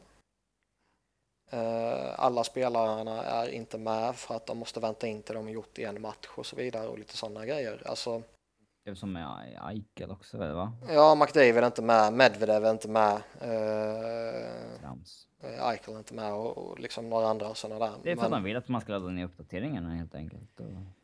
Ja, alltså det, det, är ju förklaringen är väl jättelogisk. Det är väl någon rättighets eh, som, som finns som de måste uppfylla. Så den förklaringen är väl fullt legitim liksom. Däremot kan jag tycka att ja, man fan vänta till säsongen har börjat och släpp det då. Så har de ytterligare en månad på sig ungefär och, och jobba på spelet också liksom. Jo men alltså hade man tagit och lagt lite mer vikt vid alltså själva alltså just de här grejerna som vi snackade om då, utvisningsgrejerna och, ta, passar och allt sånt där. Istället för att liksom bara, nu har vi rampat upp vårat eh, NBC Sports grej så det är ännu mer dock och ännu mer Eddie liksom. Ja, jag klickar ju förbi det ändå liksom. Det är, hur ofta sitter du och tittar igenom hela den grejen? Ja, nej, nej. Det gör man första och andra matchen. Mm. Sen, eh, jag har ju snurrat ner mig lite i GM-mode. Det har jag inte ens börjat än med tanke på att trupperna inte är, eh, liksom alla spelare finns inte.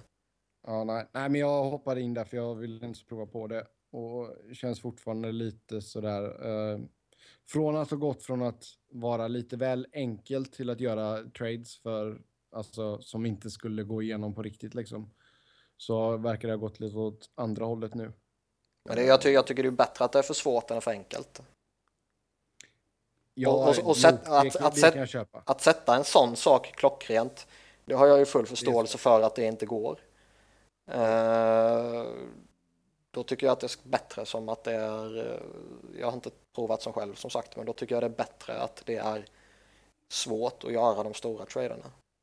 Jo, men liksom de senaste för... spelen kunde man ju byta till sig vilken stjärna som helst så länge eh, du slängde in ett första val typ liksom och någon halvhyfsad spelare så kunde du få vilken som helst.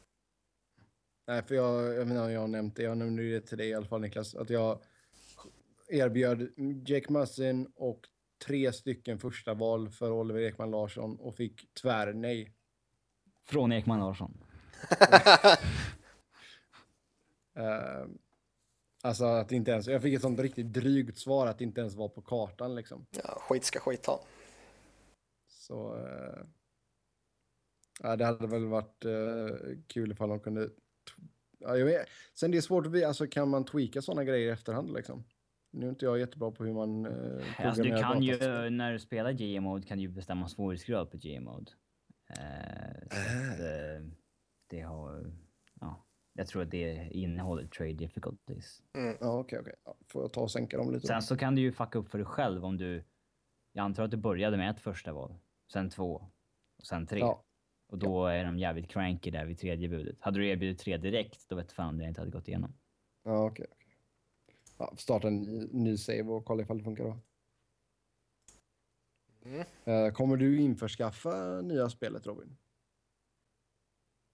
Jag har inte skaffat någon ny konsol än, så jag, jag, jag vet inte. Jag får se. Mm. Ja, vi, eh, vi kommer väl fortsätta snacka om spelet allt eftersom antar jag. Mm, ju mer jag och Niklas spelar. Niklas, vi får ta och spela mot varandra också. Uh, jag spelar sällan online.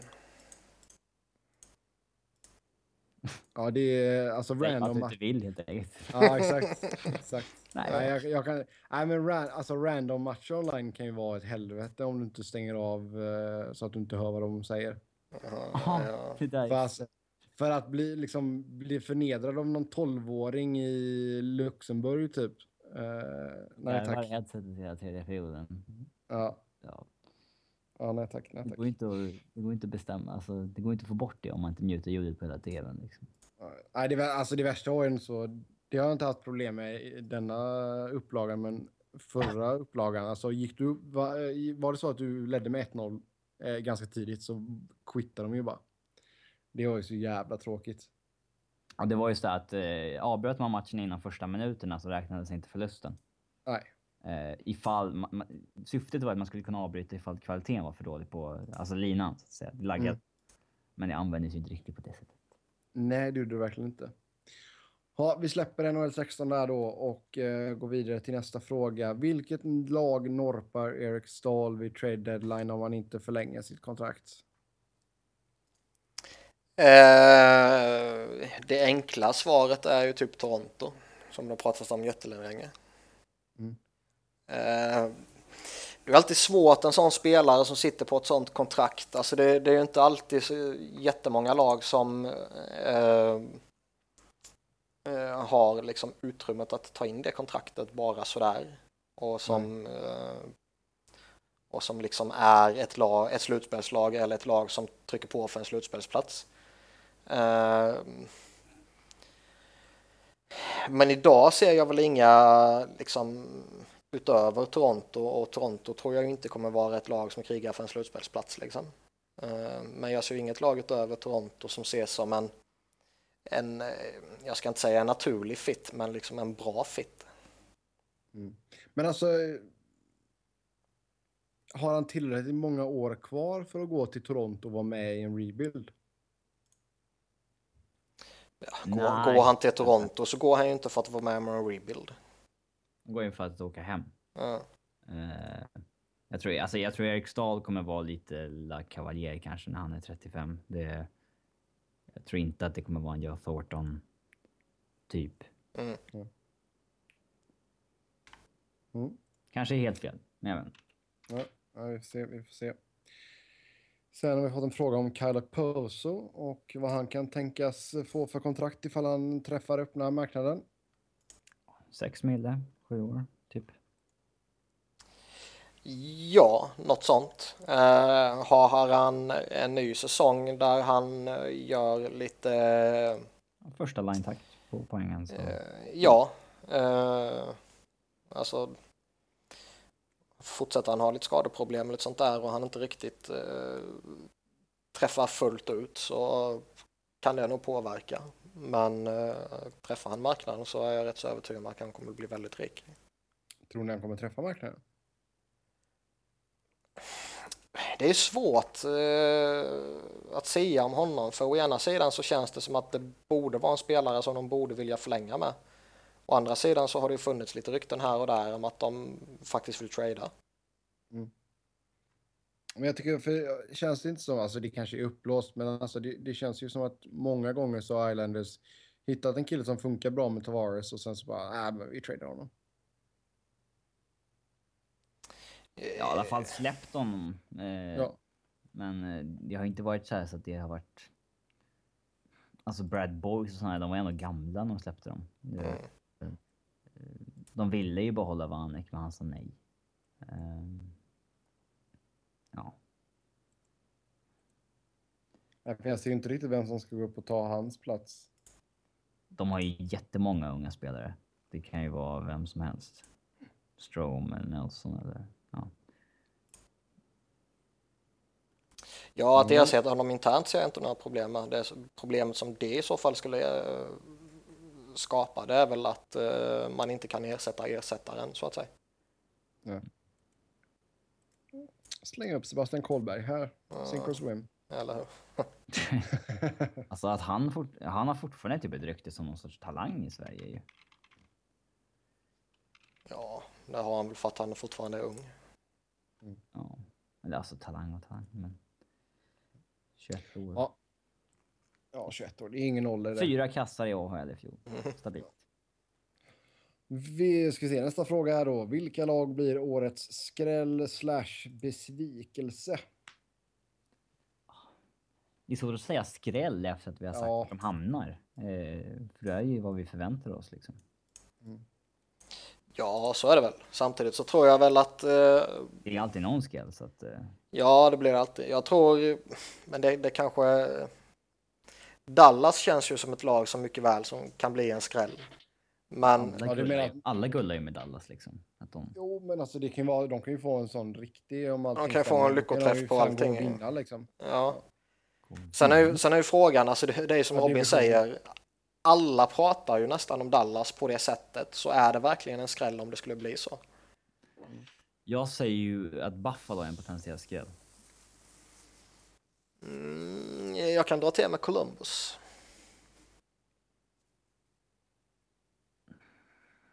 Jag håller fast vid Dallas, jag skiter ifall alla andra säger det. Trots att vi säger att det är fel. Ja. Eh, besvikelse då? Där, men det är ju samma, lite samma grej där. Jag tror ju, och många andra tror ju att Canucks kommer få det jobbigt. Ja, men det känns ja, nästan som att det är en, Ja, men det känns det nästan som en vedertagen sanning, så det kommer ju inte bli en besvikelse på det sättet. Eh, besvikelse kan Islanders kan mycket väl bli en besvikelse. Eh, om det inte riktigt funkar med alla deras unga där. Med tanke på vilken hype det var kring eh, Ottawa och om folk fortfarande förväntar sig att de kommer spela på den där nivån så kan ju de bli en mm. Edmonton, Edmonton being Edmonton kan ju mycket väl uh, skita ner sig den här säsongen också och enligt många skulle det vara en jättebesvikelse. Eh, sen tycker jag, även om det talar, även om deras backbesättning och målvakt, eller första målvakt talar emot det, så kanske man ska höja ett litet varningens finger för Nashville. Alltså att de ska flyga riktigt så högt igen. Det... Alltså det är ju en besvikelse om de missar slutspel. Då kan de ju göra i den divisionen. Ja. Ja,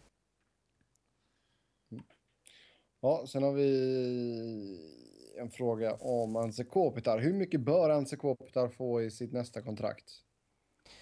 Jag har ju snackat här några gånger och jag har för mig vi alla har sagt någonstans mellan liksom Getzlaff, Joe och Toews liksom. Samtidigt förstår man ju om han pekar på vad Taves har fått liksom. Ja. Han har egentligen gjort exakt lika bra eh, i, i Kings. Enda skillnaden är att han har en färre ring. Mm. Jo, och sen han har ju, alltså, nu glömde jag av ifall det var, jo, jag tror han har vunnit interna skytteligan sex av de senaste sju åren. Så det är klart att killen ska ha betalt. Men eh, Såvida han inte vill utarma Kings ännu mer och liksom... Ja, de, de är i en sån dålig jävla situation, men ja, nio mille. Nej, men jag säger som vi har sagt, någonstans mellan typ Getzlaff och Jonathan Taves. Mm. Sen har vi eh, två stycken Flyers-relaterade frågor. Det är inte jag som har kuppat in dem. Nej, jag vet, jag såg dem på Twitter faktiskt. Uh, första är varför är Steve Mason så undervärderad? Uh, jag Nej, tror ju... Alla tjatar om honom som fan. Nej, det är inte, så upplever inte jag det som. Alla de som är insatta och... Nej, precis. Alla de som är insatta fattar ju att han är på riktigt numera liksom. Men... Uh, han var du... för dålig för länge för att det ska skapas bort helt. Ja, precis. En bra till säsong så, ja. Ja, då kan han nog uh, nämnas med heder liksom. Men nej, det är ju som Robin säger att han var för dålig för länge och det var för uppmärksammat för att uh, han det bara fyra ska... pissäsonger i Columbus rad där. Ja. Sen är det ju det klassiska med Philadelphia målvakter liksom. Ja, alla börjar utgå från att de är kassa. Ja. är tradition. typ. Sen den andra frågan är vilka lag skulle kunna vara intresserade av bröderna Chen och vad kan man få i utbyte? Ja, alltså det är svårt. Eh, Braden Chen, om man bestämmer sig för att släppa honom, tror jag skulle generera ett jätteintresse. Eh, det går någon form av rykte att eh, St. Louis eh, ska vara heta på honom. Eh, jag känner väl... Om de ska agera som de har gjort tidigare i sommar så byter de typ Swartz mot Chen. ja, eh, det skulle jag inte ha något emot. nej till. Nej. Uh, jag tror inte att det är aktuellt att de ska gå i som ett par i en trade. Nej, alltså jag ser... Nej, om liksom... Behova båda. Ja, det, det, det, ser jag inte heller. Uh, det, det, känns också lite som vi har sagt några gånger, liksom lat journalistik, att bara för de är bröder så paketerar vi ihop dem. Ja. Uh, Braden Chen skulle jag väl inte släppa om det inte är mot ett jättebra utbyte. Luke Chen skulle jag väl i princip kunna släppa mot ja, vad som helst så länge det inte är skit liksom. Ett hygglig prospect en long shot prospect? Ja, eller en halvdant draftval liksom. Mest för att vi har så många backar och han är så pass dyr och skulle man liksom slippa undan hans 3,6 miljoner om han ändå bara ska sitta eh, på läktaren liksom. Då, då, kan man lika gärna dumpa honom och inte och inte ta något eh, för honom så att säga. Mm. Ja, nej, jag förstår inte riktigt varför folk vill paketera ihop dem.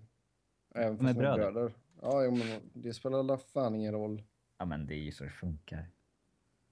Bägge är aktuella för en trade liksom. Ja, jo. Mm. Ja, eh, ska vi ta fler lyssnarfrågor eller ska vi hoppa in på det stora ämnet? Eh, vi kan spara dem till nästa mm. gång. Då gör vi det, då gör vi det. Ja, det var ju nog ett par stycken där som är ganska, eh, behöver lite tid att snacka om. Men ja, då, då ska vi ta och snacka om de sämsta spelarna vi har sett medan vi har eh, följt NHL. Eh, så jag antar, spännande. Att, jag antar att mina och Niklas killar kommer vara mycket eh, 90-tal där. Eh, 90-tal? Ta i. Nej. Nej men ska, ja. Det kommer inte gå att ta dina val på allvar. Nu ska du se 90-talsspelare. Varför inte då? För du var typ 12 bast när du såg dem. Det spelar alla fan ingen roll. Ja men, ja. Ja men, ja, men du, ja, det kommer inte gå att ta på allvar. Men det går ju inte i vanliga fall heller. mm. I alla fall, vi Vem var sämst dem... på 90-talet då? Berätta. Vi, vi snackade ju en del om vilka de bästa spelarna var vi hade sett under våran uppväxt. Och det här är ett ämne nu... som ligger oss lite mer kärt. Ja. Nu ska vi alltså ta, ta de sämsta spelarna. Uh, vi har två kategorier som måste uppfyllas för att vara med på listan. Målvakter ska ha gjort minst 20 matcher och utspelare ska ha gjort minst 50 matcher. Mm. Så det kan ju vara någonstans som hängt med bara någon säsong men var otroligt dålig. Exakt, exakt. Uh, ja, var ska vi börja någonstans? Det man kan uh, börja och säga är ju att det var förbannat svårt. Uh, framförallt när man ska gå tillbaka någonstans till liksom ja, mitten, sent 90-tal liksom. Mm. Det är ju lite som Robin säger att man såg ju inte hockey på samma sätt. Man såg inte hockey på samma sätt. Dels rent eh, som han säger att man var betydligt yngre och, och dels eh, ja, möjligheten att se matcherna var inte samma grej liksom. Eh, så det var svårt och framförallt så alltså scout av 20 NHL-säsonger och pricka in alla spelare, det går ju inte. Nej. Men eh, jag tar och slänger med ett namn för att få igång eh, diskussionen. Nej, jag tänkte faktiskt ta och börja med en, eh, en forward. Jaha. Och det är Brett Lindros. Ja, jag hade faktiskt skrivit upp honom också. 51 NHL-matcher. Ja. Eh, det enda som gör att, eh, alltså han, han var ju, med tanke på vilket efternamn han var så var han ju total jävla skräp. Liksom. Ja. ja.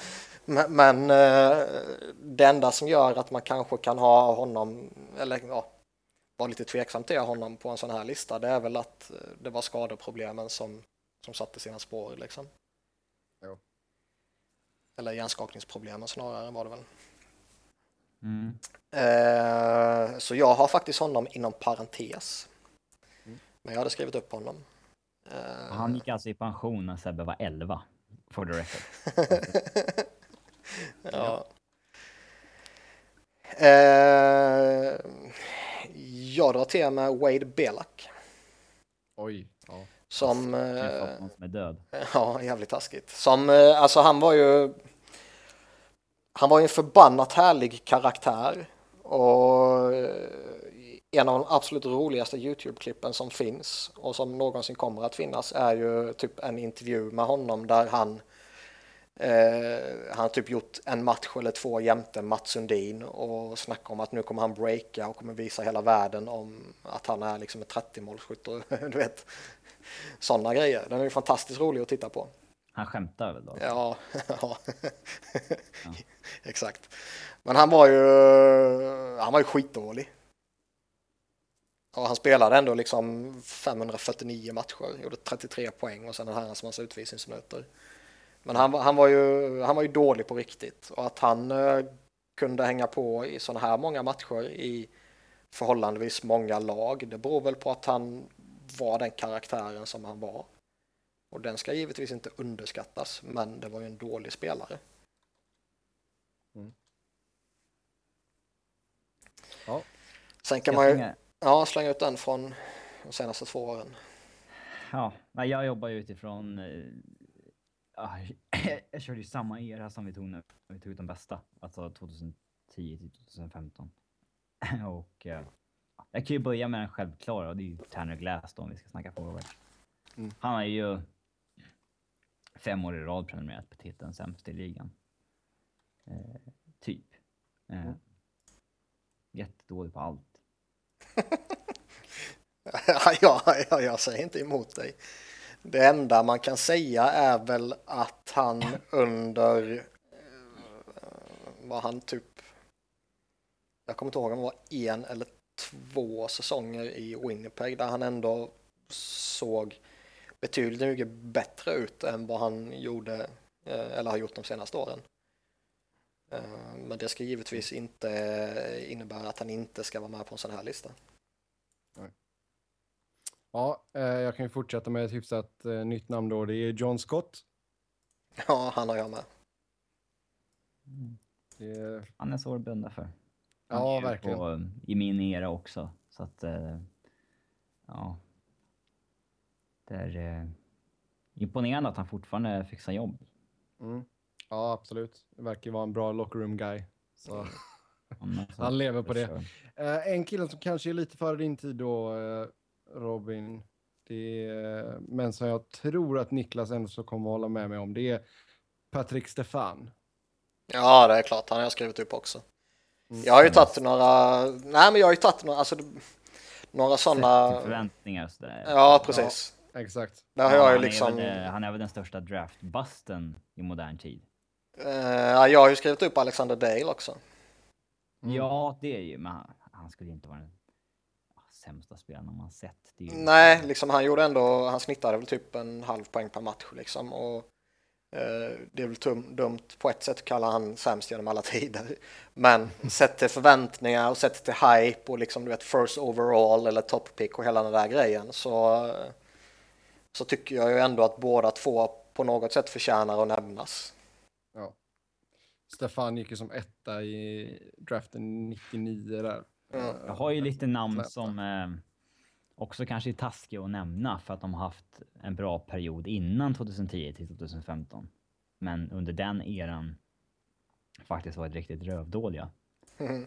Och en är ju en kille som eh, heter Mannyman Holtra. Han är ju...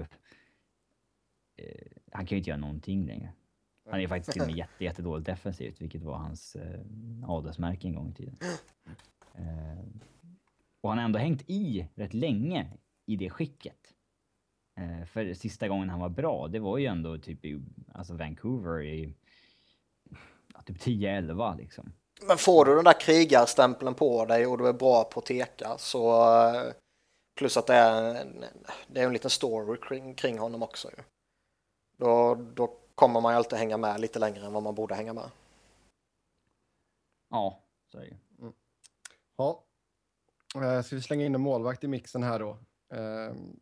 Jag har två målvakter från eran 10 till 15 som eh, sticker ut på lite olika sätt. Okej. Okay. Um... Ehm, jag börjar med Rick DiPietro. Ja, han är den jag har också. ja. De, eh, de, de han hade ju någon, en, en eller två okej säsonger eh, mellan 2005 och 2010.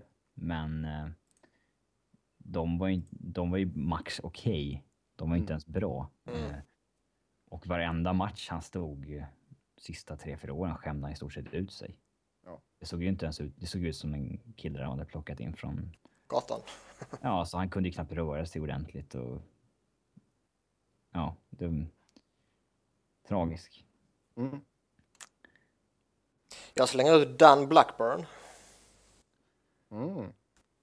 Eh, 63 matcher för Rangers. Eh, gick som tionde val 2001. Han var rätt hypad, hade hyggligt... Eh, ja, man pratade hyggligt gott om honom liksom. Fick väl chansen när jag kommer inte ihåg vem de hade, men när deras målvakt blev skadad. Och ja, funkade väl inte och så blev han skadad och fick problem och så liksom fallerade han fullkomligt. På ett sätt är det väl inte rättvist att liksom hänga någon på det här sättet när det blev eh, skador som egentligen gjorde att eh, ja, att karriären försvann liksom. Men, mm, det var ju det med Di Pietro också ska jag ja, säga. Ja. Mm. Men jag tycker ändå det är värt att nämna honom. Ja, han ja, var ju verkligen skitdålig. Mm. Ja, hans uh, sista säsong han gjorde i hockeyn det var för uh, Victoria Salmon Kings i ECHL 2004-2005. Det är 12, 12 matcher, ett uh, goal against average på 3,54 och en räddningsprocent på 89,2. Ja, en bra grej. Mm. Um, jag drar till med Trevor Gillis också. Idioten som härjade i Islanders. Och sen gick till KL till det där uh, Gun-laget. Ja, nu harvar han i, här på Ja, nu härjar han i AHL tror jag. Och han, uh, han gjorde bara 57 matcher som, som tur är. Han var ju fullkomligt galen och dum i huvudet på alla sätt och vis. Man ser ju något klipp varje år på någon så här ny AHL-skandal och det är alltid han som är där. Ja. Eh. Och han är dålig och han är farlig och han är idiot och fan skäms på alla som anställer honom. Mm. Eh, då slänger jag in Ryan Holweg. Ja, jag vet ju vem det är, men jag har ingen direkt koll på hur bra han var. Jag vet att det var han som fick... Eh, eh, vem fan var det som slog han i ansiktet med klubban? Simon var det väl? Simon. Ja, det var Simon. Ja, jag ja. tror det. Eh. Han var ju bara en riktigt dålig gun liksom. Ja, ja jag håller med dig. Mm. Ja. Eh, jag, jag, slängde in en spelare lite på grund av att han draftades rätt högt. eh, men framförallt på vilket legacy han har lämnat efter sig. Eh, Alex Stojanov. Ja, mannen som byttes mot Marcus Näslund. Ja, som eh, draftades sjunde spelare 91 och eh, eh, ja, inte alls blev lyckosam. Han gjorde 107 matcher, 7 poäng och eh, 222 utvisningsminuter och är väl i efterhand mest känd som floppen som eh, Pittsburgh gav upp Marcus Näslund för. Liksom. Mm. Det är en liten vacker story tycker jag. Mm. ja. en som förtjänar att nämnas också är ju Gregory Campbell. Han är ju riktigt uh, skitdålig. Uh, framförallt sista fem åren. Innan dess kanske han var okej. Okay. Fast han spelade ju faktiskt med brutet ben. Nu tycker jag du är hård. ja. ja. Fan vilken PR-move det har varit. Fantastiskt bra ju. Ja. Um, jag har, ska jag slänga ur med min målvakt som... Mm, gör det. Uh, alltså tittar man på de senaste fem åren i målvaktsligan, år efter år efter år, så är det alltid en snubbe som återfinns i botten. För att han har aldrig haft en respektabel räddningsprocent. Och det är Jonas Gustafsson. Eh, kollar man över en liksom 5-6 års period så då är nog fan han den sämsta målvakten i NHL av de som har spelat liksom ordentligt. Mm. Ja, jag eh, säger inte emot dig. Han har dragit in imponerande mycket pengar på att... Eh, att suga. För, för, att inte, trots att han inte håller ännu eller? Ja, eh, ja nej, jag håller med.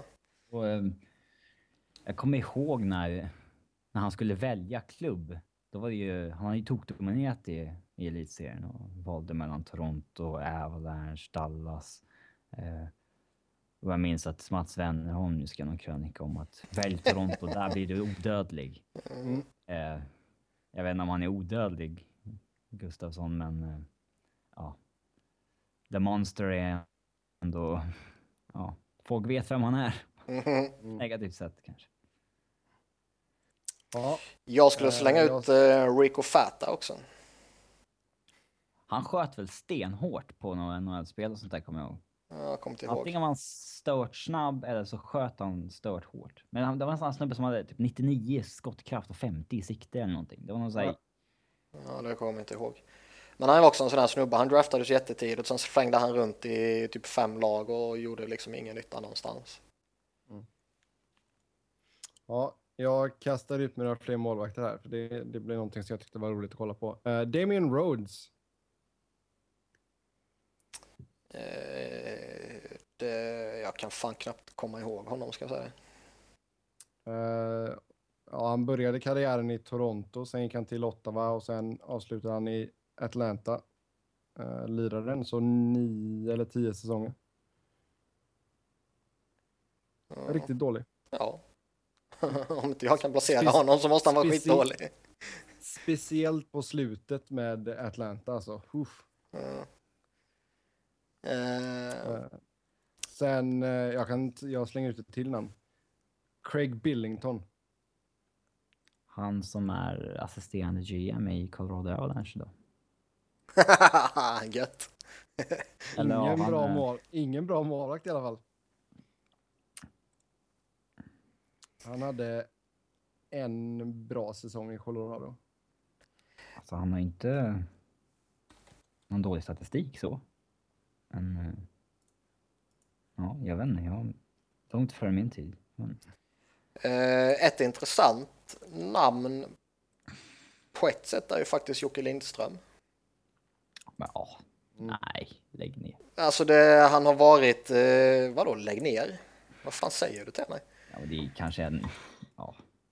Det är ju ändå en spelare som här hemma var jävligt bra och som har varit äckligt dålig i, eh, vad blir det, fyra eller fem olika lag. Han är ju ett jävla mysterium. Han har inte ens varit nära att lyckas i NHL trots en Nej, dominans i, på europeisk mark. Ja, och det är lite därför jag säger honom som intressant. Ja, men, ja. Kan man slänga in Fredrik Sjöström på en sån här lista? Ja, han var jättedålig. Mm.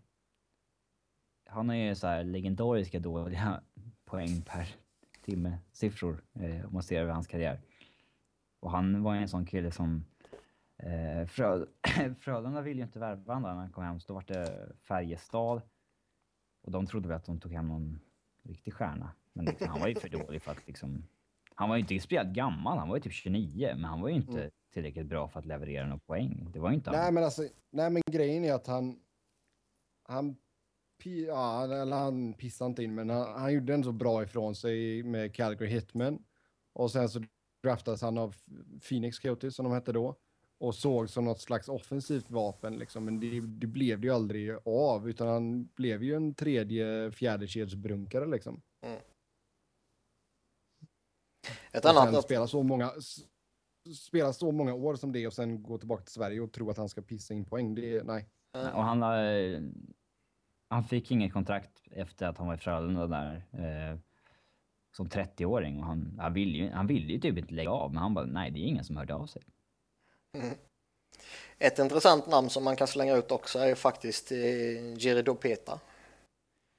Eh, som eh, han kom ju till Philadelphia eh, när fan kan det här ha varit? Det måste ha varit typ 01, 02 något sånt där liksom. Uh, och liksom hypen var ju enorm. Det var liksom snack om att han den bästa spelaren utanför NHL. Och han gjorde 73 matcher för Flyers och Edmonton. Och var liksom skitdålig. Mm. Sen har jag ju två lite sådana här eh, val som... Vad sa du? Har vi knappt nämnt några backar va? Uh, nej, men det kommer en nu. Som mm. ligger mig varmt om hjärtat. Säg inte Niklas Grossman. Nej, Randy Jones. Ja, han visste jag att du skulle säga. Ja. Han har ju en uh, imponerande hero chart. Jag har faktiskt aldrig tittat på Randy Jones hero chart, tror jag inte. Eller har jag det? Nej, det kan jag inte göra, tror jag inte. I alla fall om man tittar... Men grejen är att det, den, är, den är så felbalanserad för han liksom... Uh han var ju så jävla dålig, men han slängdes ju in bland så bra spelare liksom för att typ John Stevens älskade honom. Ja, tittar man på den hero charten så säger ju den att han... Uh, uh, ja. Man säger att han fick bottom pairing. Han har faktiskt väldigt imponerande hero chart, vilket år man än kollar. Mm. Men han var liksom, eh, om man, det, det, gamla klassiska ögontestet så var han ju skitdålig. Och det var liksom äckligt att se honom, men han var eh, gullungen så han fick spela hela, hela tiden liksom. Och det var, nej usch. För fan, det var jobbigt. Sen kan jag slänga ur mig Josh Gratton också. Oj, oj, oj. Ja. Som var i Philly och i Phoenix. Och han var ju ja, någon form av goon enforcer kombination liksom. Och han var ju, nej, han var ju bedrövlig. Den sämsta backen jag har sett på en nivå. Eh, det är ju Greg Sannon i, eh, när han var i eh, Avs. Han var ändå respekterad alltså, innan ja, förfallet liksom. fascinerande att han var ju så extremt dålig i Avalanche. Att han gick från att vara en liksom, respekterad tredje backparsback som fick ett tvåårskontrakt med Avs till att vara så dålig under den halva säsongen, 44 matcher, att han liksom köptes ut och fick åka på tryouts i AHL efter det. Mm. Alltså sånt... Så mycket lyckades han sänka sitt eget rykte på 44 matcher i Colorado. Ja, jag har, eh, så, sånt är ju jätteintressant och det är, jag, jag tycker inte alls det är fel att, att liksom nämna de spelarna som, som har haft en sån utveckling. Men jag har rätt medvetet valt bort spelare som under någon eh, relativt större period av sin karriär har varit väldigt bra. Mm. Väldigt bra. Jo, men allt är ju relativt. Alexander Degg till exempel. Allt är ju relativt. Ja. För att vara first overall och superhypad så var han ju... Men det är ju sämsta spelaren vi har sett. Det ska ju, draft picks aside, det, är ju, alltså det, det ska ju inte vara det vitala. Eh, jag tycker det är viktigt när man bedömer en spelare. Ja, Framförallt när man bedömer eh, besvikelser och misslyckanden liksom. Ja. Så är det tycker jag, väldigt mycket relevant att nämna. Det är ju en annan sak. Liksom. Jo, men jag menar liksom, du sätter ju dig en bild av en spelare på vilken hype och vilka förväntningar och, eh, och hela den bilden och sätta en kravbild på honom. Och eh, beroende på hur stor den kravbilden är så kan han ju vara historiskt dålig om han inte lever upp till den kravbilden. Mm. Och lite så är det ju faktiskt för både Dale och eh, Stefan. Japp. Ja, eh, jag har en till målvakt på min lista och det är Tim Chevaldale. Chevalday. Var, eh, jag höll på att säga, jobbar inte han med någonting i ligan nu? Eller vilken är det jag tänker han, på? Han är i Saskatoon Blades är han målvaktscoach tror jag. Ja. Eller han var det förra året i alla fall. Jag tänker på Cheval off i Winnipeg. Ja, det var sagt han jag tänkte på. Ja. Mm. Uh, jag var riktigt dålig i många år där med Detroit. Framförallt i början och mitten av 90-talet. Sen gick han till Winnipeg och var lika dålig där. Där när du ungefär var fem bast. Ja, men det, var det. Man började, det var ju då man började spela hockeyspel också. Ja, men. Han var, hade sådana otroligt dåliga ratings där. Så det, det jag har inte baserat något av mina spelare på hockeyspel, vill jag bara inflika. Kelly, Ru Kelly Rudy ska vara med på en sån lista. Fan vad dålig han var på hockeyspelen. Satan, han hade typ så 52 eller någonting i rating. Ja, så bra har jag inte på hockeyspelen. Det första man gjorde NHL 94 var att trada bort Kelly Rudy. Alltså, så bra koll har jag inte på hockeyspelaren som sagt. Eh, på tal om backar, då har jag ett lite mer eh, ja, vad ska man säga, modernt namn. Han spelar fortfarande. Det är Tim Eriksson. Skulle Tim Eriksson vara en av de sämsta spelarna du har sett? Jag tycker han är riktigt dålig. Riktigt, riktigt dålig. Speciellt med tanke på vad man har sett, eller inte, jag har inte sett honom spela i AHL. Men där har han ju åtminstone bra siffror. I NHL har han ju varit riktigt undermålig. Att det vet alltså... Ja, det är klart han har varit dålig, men uh, lite magstarkt är det kanske. Han är, han är en av de sämsta backarna i ligan. Utan tvekan. Det tycker jag inte. Det är nog många gamla trötta, sega backar jag skulle välja. Ja. Eller, ja. Jag skulle nog ta honom för många sådana. Sen är det ju liksom... Hur ska man förhålla sig till Andreas Lilja? Mm. Som var ju, rätt okej okay under rätt många år liksom.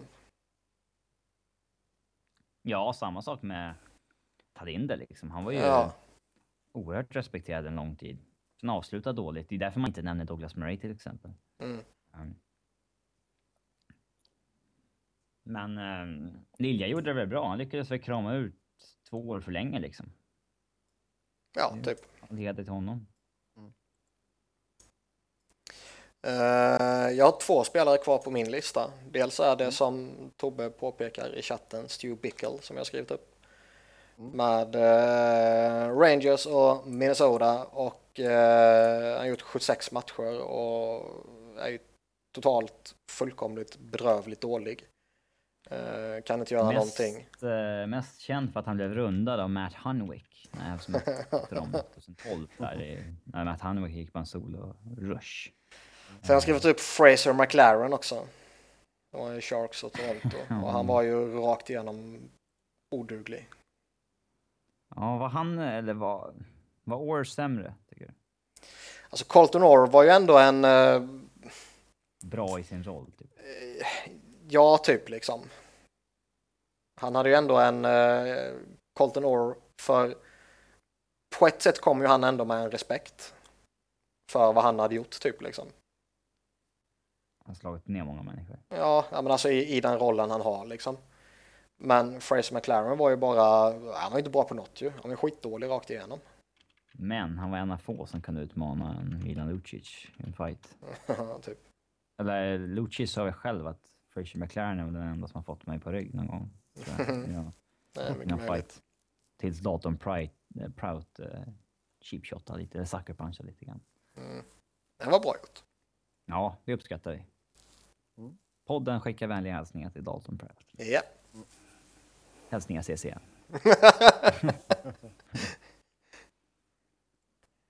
Mm, nej, min lista är tom nu faktiskt. Mm. Det finns ju många av de här värdelösa backarna, men alla de har ju nästan haft en en okej okay period i alla fall, där det liksom inte har varit för dåligt. Mm. Ja, precis. Jättemånga som jag kände var eh, aktuella har ju har jag ju plockat bort på grund av man kan ju liksom. nämna, kan ju nämna liksom så Nate Ginnen som inte han har ju varit en AHL-back hela karriären av en anledning. Sen får Ra för sig att nej, men han ska in i NHL när han är liksom 30 bast. eh, och så är han liksom pissdålig i två säsonger. Eh, en sån skulle man ju kunna nämna liksom. Eh, Ja, jag vet inte. Nej, vem märker alltså, det? Det är svårt. Det är lite, ja. Hur bra var David Prince i Flyers? Han eh, skulle ju varit så jävla tokgiven på den här listan om det inte vore för att han inte nådde 50 matcher. Han gjorde bara, ja. Han, han, var, han är ju legendariskt dålig ju. Eh, men han gjorde bara, jag tror det var typ ett dussin matcher. 13 matcher. Ja. Uh, han var ju, nej, det var ju hemskt att se honom. Och det var ju den här uh, uh, katastrofsäsongen också, 06-07 liksom. Ja, nu spelade typ 30 backar under hela säsongen. uh, Jävlar, så ni använde 15 backar? Ja. Nej, det måste vara fler, vänta. Ja, det är en bit mer. 18, 19 typ. Ja, men det var ju en sjuk säsong liksom och eh, nej, han, han, var ju en av de absolut sämsta hela den säsongen och det säger ju oerhört mycket. Lars Jonsson då? Var han bra? Eh, han var ju bättre än Prins. Eh, han skötte sig ändå okej okay på, på något konstigt sätt samtidigt som han var dålig. Mm. Vi har, haft en, vi har nästan en svensk femma här nu med Jonas Gustafsson i mål och Tim Eriksson av någon anledning på backsidan. Men... Eh, eh, ja, Lilja och... Eh, Lindström. Vad sa vi mer? Sjöström. Mm. Jag måste sätta någon till då ju. Ja, någon riktigt usel svensk. Uh... Ja.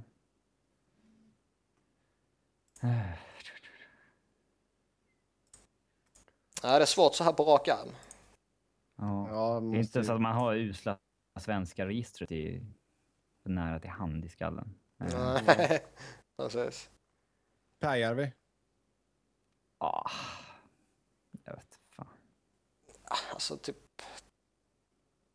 Tedenby var ju totalt misslyckad. Han inledde ju rätt lovande i... Ja. I, Känns som man glömmer någon som har varit så fortfarande hånad den idag för att han var så jävla dålig. Eh, ja, så är det ju. Vad kan man dra till med en sån som Fabian Brunström? Alltså bortsett från hans första säsong som ju var... Ja, han är inte ens en allsvensk spelare efter det. Fan. Nej. Det är... Han gjorde inte mycket nytta efter sin första säsong. Nej. Ja, nej, det är svårt att komma på så här på rak arm. Mm. Vi slänger in Brunström. Han får vara center. Ja. Mm. Yes, då rundar vi av här eh, maratonavsnitt. Eh, som, som vanligt så kan ni snacka hockey med oss via Twitter. Mig hittar ni på @sebnoren. Niklas hittar ni på Niklas Wiberg och Robin hittar ni på R Fredriksson. Nästa vecka så blir det Pacific Division Preview och eh, så ska vi se till att ta upp de lyssnarfrågorna som inte hann med idag. Så eh, vi hörs snart igen. Tills dess, ha det gött. Hej!